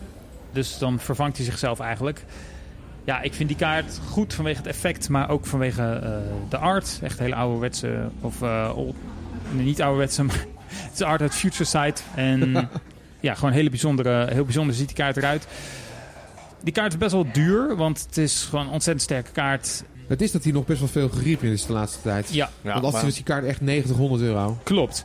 Maar eh, dat effect, dus dat hij twee kleuren mana, eh, eh, verschillende kleuren mana kan maken en dat je hem eh, kan opofferen om elkaar te trekken, dat hebben ze nu op vijf nieuwe landjes eh, gestopt. Dus er zijn nu eigenlijk eh, vijf extra Horizon Canopies bij voor andere kleuren, voor de enemy colors, om specifieker te zijn. Dus we hebben nou, een rood-witte bijvoorbeeld, die heet Sunbaked Canyon. Kun je krijg er een beetje honger van. Sunbaked. Nou, ik weet niet. Ah, Heel raar. Maar... Zongedroogd, ja, ja, ja. ja, maar dus ook voor blauw-rood, zwart-groen, eh, wit-zwart en dus rood-wit. Ja. En nog groen-blauw. Nou ja, eh, wat ik dan heel mooi vind, deze eh, landjes hebben volgens mij nu ook al de bijnaam Horizon Lands Ja. gekregen. Ja, omdat ze in Modern Horizon zitten, maar ook omdat ze eigenlijk gebaseerd zijn op Horizon Canopy. Dus dat is ja, gewoon een mooi eh, eerbetoon dan, denk ik. En misschien dat we dan de, de friendly colors van de friendly color versies van deze landjes ook nog gaan zien. Ja. Dus eh, ja, ik ben eh, blij dat, eh, dat ze onderdeel worden van Modern. Dus er werd ook al veel naar gevraagd, naar eh, deze kaart. Ja, en En, ook deze kaarten die zijn nu al, ja, we zitten nu nog voor de release, maar die zijn nu al eh, behoorlijk wat eh, geld waard. Behoren toch wel tot de duurste kaarten in de set, volgens mij. Vooral de rood. Volgens mij is de blauwe-rode is de op twee na duurste kaart in de set. Ja, dacht ja. ik. Ja, want die gaat schuift goed in decks als Storm en eh, Phoenix. De rood-witte gaat eh, pas perfect in Burn. Ja. En ik heb al groen-zwart in een paar lijsten zien komen van midrange decks, zoals Junt en groen-zwart rock. Ja. En de blauw-groene heb ik al langs zien komen in, in een paar infect decks. En eh, ook in een groen-blauw Tron deck. Leuk.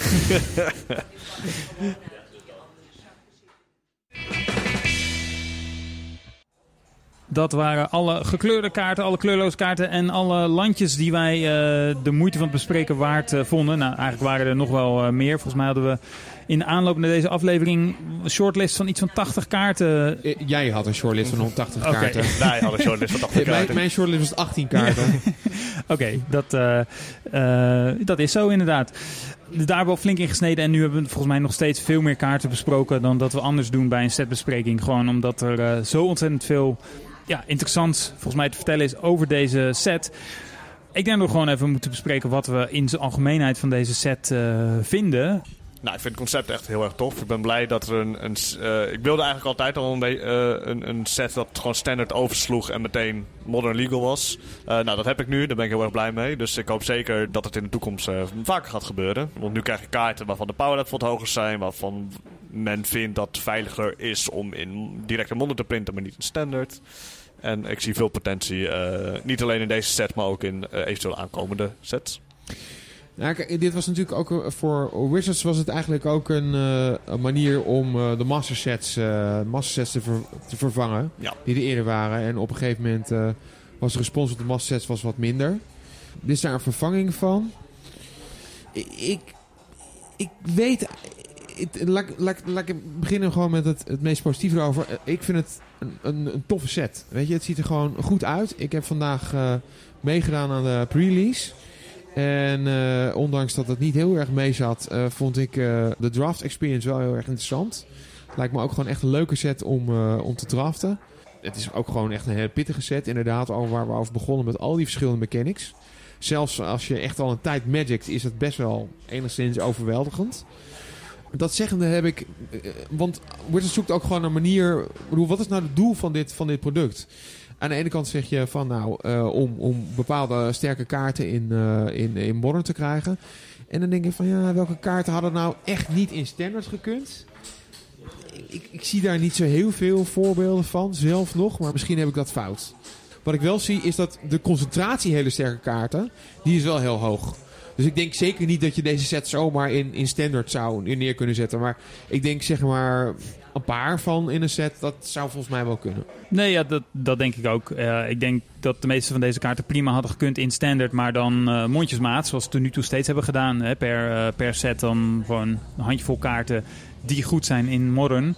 Maar zo'n set als Modern Horizons biedt Wizards natuurlijk wel de mogelijkheid om in één keer ja, een archetype te boosten of ehm, haatkaarten te printen of ja, gewoon iets heel nieuws toe te voegen. Dat vind ik, dat vind ik heel mooi eraan.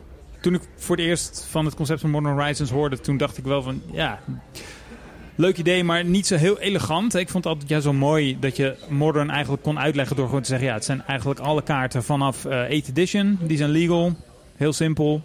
Maar nu moet je dus mensen gaan uitleggen: ja, het is alle kaarten vanaf dat jaartal, maar dan ook nog deze set. En misschien komen er in de komende jaren nog wel andere sets uit die dan ook nog legal zijn in Modern. En andere sets niet, zoals Battlebond dan weer niet. Ja, Dus het wordt wel meer een Ja. lappendeken. Een beetje, ja, precies. Een beetje gedoe. Mm, nou goed, dat is dan misschien eh, een kniesoor die daarop let. Maar ik ben nu eenmaal een kniesoor. Wat ik wel eh, heel tof vind aan Wizards is dat... Ik vind het wel een dappere keuze dat ze zo'n set als deze nog een keer hebben gemaakt. We hebben aan het begin erover gehad hoe complex deze set is. Jij zei het net ook al, Arjan. Mark Rosewater die heeft wel eens gezegd over Time Spiral Block. Alle Magic sets die we maken, dat zijn eigenlijk een soort van...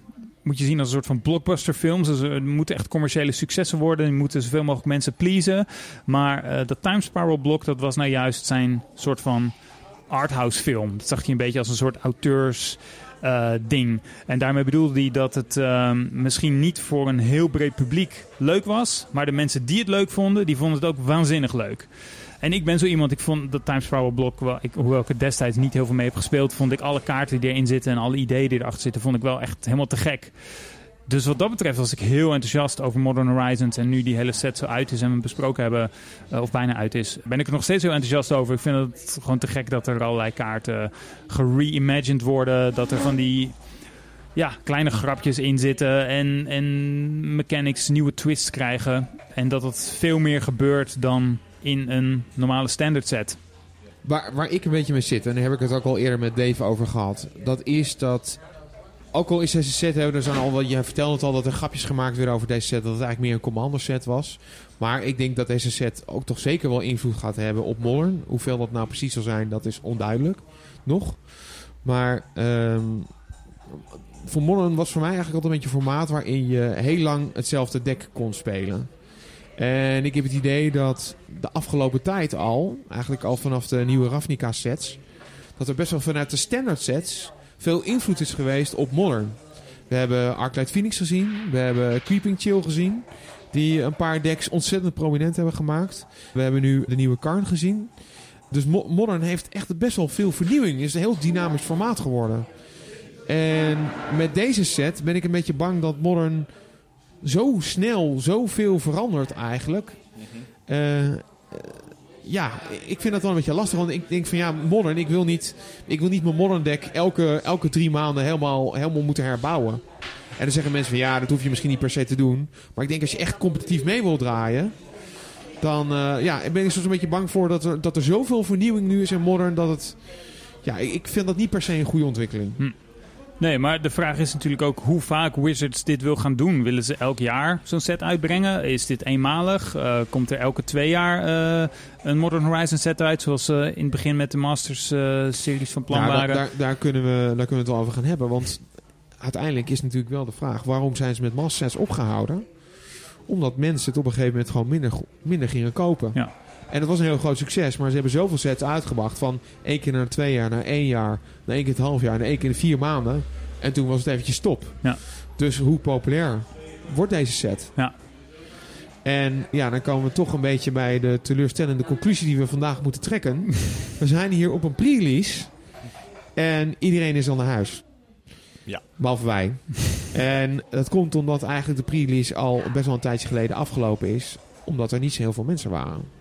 Dat is aan één kant is dat wel een beetje... Ik, ik- oprecht, ik denk echt dat het een leuke set is. Maar ja, er waren toch niet zoveel mensen. En waardoor het nou precies komt... Ik denk dat... Jij, jullie noemden al van... Nou, al die mechanics zijn misschien een beetje afschrikwekkend. Ik weet niet of dat het is, want ik ken een paar hele goede Magic spelers die er vandaag ook niet zijn. En een ander probleem is natuurlijk... Dave, De prijs. de prijs. Ja, Want laten we het daar eens over hebben. ja want eh, ik, ik, ik was af, eh, initieel super eh, enthousiast over deze set. Totdat ik hoorde dat de boosters 8 euro per stuk zullen zijn. En toen was mijn enthousiasme al heel snel verdwenen. Want ik, ben, ik vind het, on, ik vind het een. een, een ik, ik snap niet waarom. Want als een, eh, een, een standard set 4 euro kost, waarom moet dit dan 8 euro kosten? Nou, volgens mij, volgens mij is de reden die Wizards bedacht heeft, die ze op ons proberen over te brengen, is van oké, we hadden de master sets. Daar betaalden we ook zeg maar 8, 10 euro per, per booster. Maar daar betaalde je natuurlijk ook heel veel voor bepaalde reprints die heel veel geld waard waren. Ja. En er zat ook nog een reden achter, want als je reprints heel goedkoop gaat verkopen, dat betekent dat de markt in elkaar st- stort. En dat mensen misschien in de toekomst niet meer zo snel geneigd zijn om weer nieuwe boosters te willen kopen. Alleen dit zijn, in tegenstelling tot die master sets, vooral heel veel nieuwe kaarten. Ja, Dus wat Wizards nu bedacht heeft, is eigenlijk een heel slim plannetje om ons nieuwe kaarten te verkopen voor twee keer zoveel geld. ja. En dat steekt een beetje, toch. Ik heb vandaag gedraft.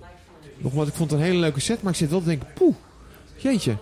Dat was toch wel eh, even een heftige aanslag op de portemonnee. Ja. Ja, datzelfde probleem had ik ook met de master sets. Ik heb die eigenlijk nooit gedraft of sealed meegespeeld, omdat ik het gewoon niet waard vind voor dat geld. Ja. Uh, dat, dat heb ik met deze eigenlijk ook wel een beetje. En dat vind ik eigenlijk gewoon heel erg jammer. Ja. ja, en het is eigenlijk jammer als je ziet wat voor een gaaf product het eigenlijk lijkt. Hm. Maar nou, misschien ietsje duurder, maar... 5 euro of 6, sure. Maar 8, twee keer zoveel, ja, het, sting, het prikt. Ja, maar ja, goed, voor 6 euro is een draft ook 25 euro. Hè? Klopt, ja. Eigenlijk en, vind, ja, uh, ja, gewoon ik, eigenlijk van, ik vind het nergens op slaan. Dat, waarom is het duurder? Het kost, het kost net zoveel om te ontwikkelen. Zowel qua R&D als qua printkosten. Ik zie geen reden dat het 8 euro kost. Hm. Nee, ik ook niet. Ik, ik zou je vertellen, ik heb vandaag uh, 30 euro betaald voor de pre-release. En ik denk dat ik... Uh, voor een draft pre-release? Ja, een draft pre-release. Dus ja. voor drie boosters. En ik denk dat ik voor 5 euro aan waarde heb.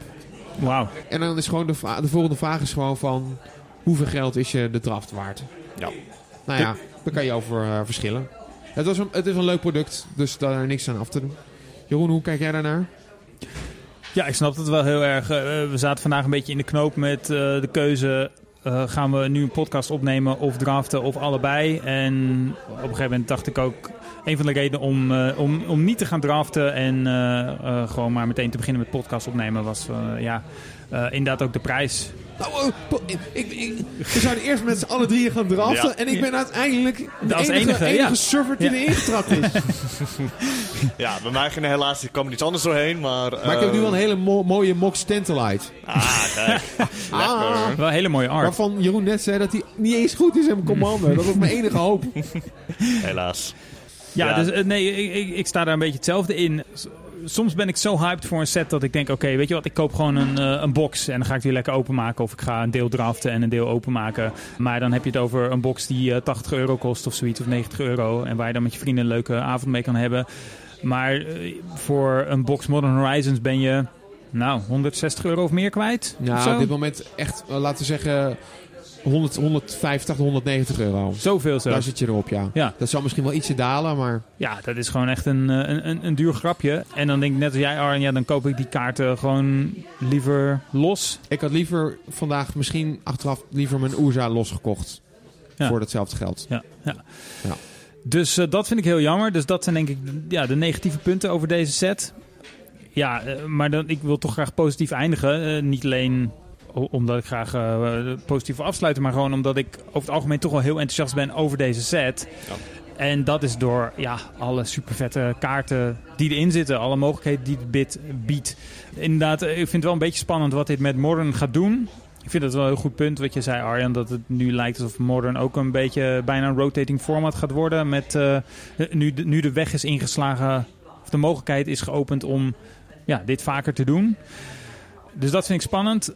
Maar al die nieuwe speeltjes voor Commander, eh, zonder dat die eh, per se in standard geprint moeten worden. eh, of in een dedicated Commander product. Ja, dat vind ik wel te gek. En ook dat is natuurlijk weer een verdienmodel van Wizards.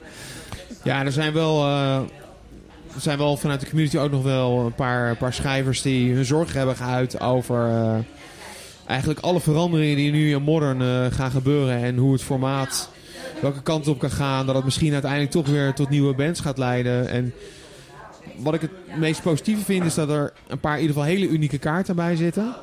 Die weer kunnen leiden tot nieuwe decks. En ja, dat is aan de ene kant is dat soms een beetje vervelend dat er zoveel nieuwe decks komen. Aan de andere kant is het natuurlijk ook wel weer heel interessant om te kijken waar het formaat naartoe gaat. Gaat die Ren en Six, gaat dat echt eh, een heel nieuw deck opleveren? Ik zou het ook leuk vinden als decks zoals eh, Slivers of eh, Goblin plotseling mee kunnen doen. Mhm. En dat ze met dat soort reprints gewoon dat soort, dat soort decks weer op de kaart kunnen zetten. Ja. Dus eh, nou, laten we hopen dat dat gaat gebeuren. Ik heb nog wel een vraag voor jullie trouwens, die me net eh, te binnen schiet. Want ik zat een podcast te luisteren van eh, Jerry Thompson en Brian Gottlieb, de Game Podcast. Of voormalig Game Podcast, dat heet inmiddels anders. Maar Arena Decklist ja. podcast. ja, omdat ze dan beter gevonden worden door nieuwe spelers. Maar dat terzijde, die hadden het over Modern Horizons. En eh, Brian Gottlieb vroeg zich daarin af... Hij ziet Modern heel erg als een format van, eh, zoals hij dat noemt, two ships passing in the night. Dus twee niet-interactieve eh, decks, of decks die niet echt interacteren met de tegenstander, maar die gewoon hun eigen ding doen. Mhm. En dan zo snel mogelijk proberen af te gaan met een combo. In plaats van ja, heel veel Ja, interactie. Dat je Dat is, ook, dat is ook soms waarom ik soms een beetje minder enthousiast ben Modern. Voor mij was toen de hele spoiler nog niet uit, maar hij vroeg dus, zich dus hardop af van ja, wat zou Wizards nu willen met zo'n set als Modern Horizons? Willen ze dat het een interactiever formaat wordt? Dus dat, er, eh, dat het wat minder two-ships passing in the night wordt? Of ja, dat dat nog meer het geval wordt? Wat, wat zou de uitkomst zijn voor Modern Horizons? En ik ben, het is heel moeilijk misschien om nu in te schatten, maar hebben jullie een beetje een idee of je dat kan aflezen uit deze set? Wat Wizards met het format Modern wil? Proberen ze het nu wat interactiever te krijgen? Nee, ik eh, zie weinig kaarten die eh, de interactie eh, zullen verbeteren. Ja, denk je ik zie juist heel veel kaarten die juist het tegenovergestelde doen. Nog meer lineaire decks. Zoals welke kaarten? Eh, nou, grappig genoeg is het eh, een van de favoriete kaarten van eh, Jeroen. Die eh, groen-witte tutorkaart voor een creature. Eldor's Call. Ja, is ja. een zeer lineaire kaart. Ja, ja, klopt. En ehm, ja, ik, ik, ik zie gewoon niet zo heel veel. Ja, ik kan heel veel lastig nu goede eh, voorbeelden vinden. Maar ik, ik, krijg niet het idee dat li, eh, lineaire decks minder goed worden. Nou, dat zie, dat zie ik ook niet. Eh, aan de andere kant zie ik wel een paar kaarten voor decks die misschien op zichzelf wat minder lineair zijn. Ja, prima. Of die in ieder geval iets meer nopen tot, tot interactie. Maar ja, of dat, of dat uiteindelijk dan ook zo gaat uitpakken, dat is, eh, dat is een Nou, tweede. Daar ben ik wel ook een beetje sceptisch over eigenlijk. Ja. Hm, Maar we moeten, we moeten nog steeds positief Ja, afsluiten. Ja, het, het- nou, het punt is dat ehm, als er heel veel nieuwe decks bij komen, dat is heel erg tof natuurlijk. Maar tegelijkertijd is dat ook de sterke en negatieve kant van Modern. Is dat je kan heel veel verschillende decks spelen, dat is heel erg leuk. Aan de andere kant, als jij een, een, een deck speelt wat heel erg niet lineair wil spelen, interactief dus, dan heb je gewoon te weinig antwoorden op al die decks. Ja, dat is een goed punt. En, dat, Ja. en dat blijft ook gewoon en dat zo. blijft gewoon nog ik, steeds. Ik denk wat ik wil zien is, we, hadden- we hebben die, die goede oef, zeg maar de nieuwe Stone, Ja. Stony Silence. Ik denk wel dat eh, Wizards er wel steeds meer mee bezig is om meer verschillende soorten haatkaarten te maken die in meer verschillende decks passen. ja. En waar misschien ook wel weer een antwoord op mogelijk is. Dus ik denk dat men op die manier ook een beetje een soort van interactie probeert te bewerkstelligen. Ja, En, dat is een eh, goed in, in mijn ogen is het dat niet de ideale vorm van interactie. Maar het is in ieder geval een vorm van interactie. Want een, een Stony Silence is dan misschien gemiddeld toch wat moeilijker weg te halen. Dan gewoon een creature. Die wel ook een, een, een heel sterk effect heeft. Ja. Dus ik denk dat men in ieder geval Wizards probeert om op die manier toch een soort weer interactie eh, te bewerkstelligen. Ja. En ik denk zelf, eh, dat, eh, dat denk ik, maar dat hoop ik ook, is dat ehm, de kracht, de, de, de, hoe noem je dat, zelfcorrigerende kracht van het format Modern, dat die best wel groot is. We hebben best wel veel ontwikkelingen gezien Ja. wat betreft bands en nieuwe kaarten, nieuwe decks, waar mensen zich eh, zorgen over hebben gemaakt. Ze dachten dat het helemaal naar beneden kwam. Die dan toch steeds weer wel redelijk goed uitpakte, dat het format toch weer in balans kwam. Dat is ja, toch steeds wel weer zo gebleken. En ja, zo'n hele nieuwe influx van eh, een heleboel kaarten tegelijk is weer een nieuwe test voor het format. Maar ik kan me heel goed voorstellen dat over een aantal maanden dat het zich toch weer, eh, ja, dat er toch weer een balans is ontstaan. Ondanks ja, meer eh, tools voor lineaire decks of juist interactieve decks. Ik kan me dat heel goed voorstellen. Als ik namens mezelf spreek, dan hoop ik wel dat we... Nou, hierna krijgen we de core set 2020. Ik denk dat de impact op Modern daarvan wel zal meevallen. Maar wat mij betreft mag na deze set mag het eventjes ietsje rustiger worden op Modern Front. Laat het maar gewoon eventjes lekker uitkristalliseren, die, eh, die nieuwe Modern meta. En eh, dan, eh, ja. Ja. dan mag het eventjes een beetje in iets rustiger vaarwater komen. Ja. Maar ik denk met deze set dat het nog wel eventjes gaat duren voordat Ja. we in Ja, rustiger ik deel die mening komen. inderdaad ook. Ik zou nu eigenlijk zeggen, je hebt nu Modern Horizons en War of the Spark erin gegooid. La- De War Spark heeft echt ook heel veel invloed gehad op Modern. Hè? Ik denk misschien wel... We hebben nu twee waanzinnige sets voor Modern achter elkaar. Ja, ja, en ik denk vooral dat, dat is inderdaad wat Arjen, wat jij zegt, dat klopt, dat- die mening deel ik ook. Het is gewoon even één groot chaos. We weten niet hoe het gaat eindigen, maar ik denk Ja. dat we deze... Ik zou het eigenlijk Modern Chaos kunnen noemen. Fair enough. set. Ik denk dat het misschien wel handig is om gewoon aan het einde van dit jaar eens terug te reflecteren over op dit moment. Ja, Van, we hebben deze dingen gezegd, we hebben wat aannames gemaakt en wat voorspellingen. Ja. Om dan te kijken van, oké, zijn ze ook uitgekomen? Ja. Want wellicht is, eh, misschien is wel inderdaad de hemel naar beneden gevallen, of misschien is gewoon niks aan de hand geweest. Dat weten we op dit moment niet. En tot die tijd kunnen we gewoon lekker eh, Commander spelen of Cube. Oh, dat ga ik zeker doen. En nogmaals, oh, oh, ik ben super stoked over deze Mhm. set qua cube-kaarten. Zeker. Ik wil hem eigenlijk heel graag nog een keer draften. Ik wil hem echt vaker draften. Maar voor die prijs, voor die prijs is Ja. zoveel. Jammer. Nou, Jammer. anders Daar gaan, we ga ik gewoon, wel even over nadenken. anders gaan we gewoon met z'n drieën een, box kopen en dan... eh, Dat Nou, eh, wat vrienden nou, uit. prima. Doen we. Cool. En daarmee zit onze setbespreking en deze 28e aflevering van Studio Magic er alweer op. Wil je meer horen? Wij zijn te vinden in iTunes en in Spotify en daarnaast in Stitcher, TuneIn en in andere populaire podcast-apps. Je kunt je daar gratis abonneren en eerdere afleveringen beluisteren. Bijvoorbeeld ons interview met Titus Lunter. En volgende afleveringen natuurlijk ook, zoals onze bespreking van eh, de Core Set 2020. Al die afleveringen kun je natuurlijk ook afspelen via onze eigen website studiomagic.nl. En je doet ons een groot plezier als je ons volgt op Twitter of liked op Facebook. Daar kun je ons ook vragen stellen of feedback geven. En op beide sociale netwerken heten we Studio Magic NL. De muziek die je hoort is de track Surf Shimmy van Kevin McCloud onder een Creative Commons licentie. Meer informatie daarover in de show notes. Bedankt voor het luisteren en tot de volgende Studio Magic.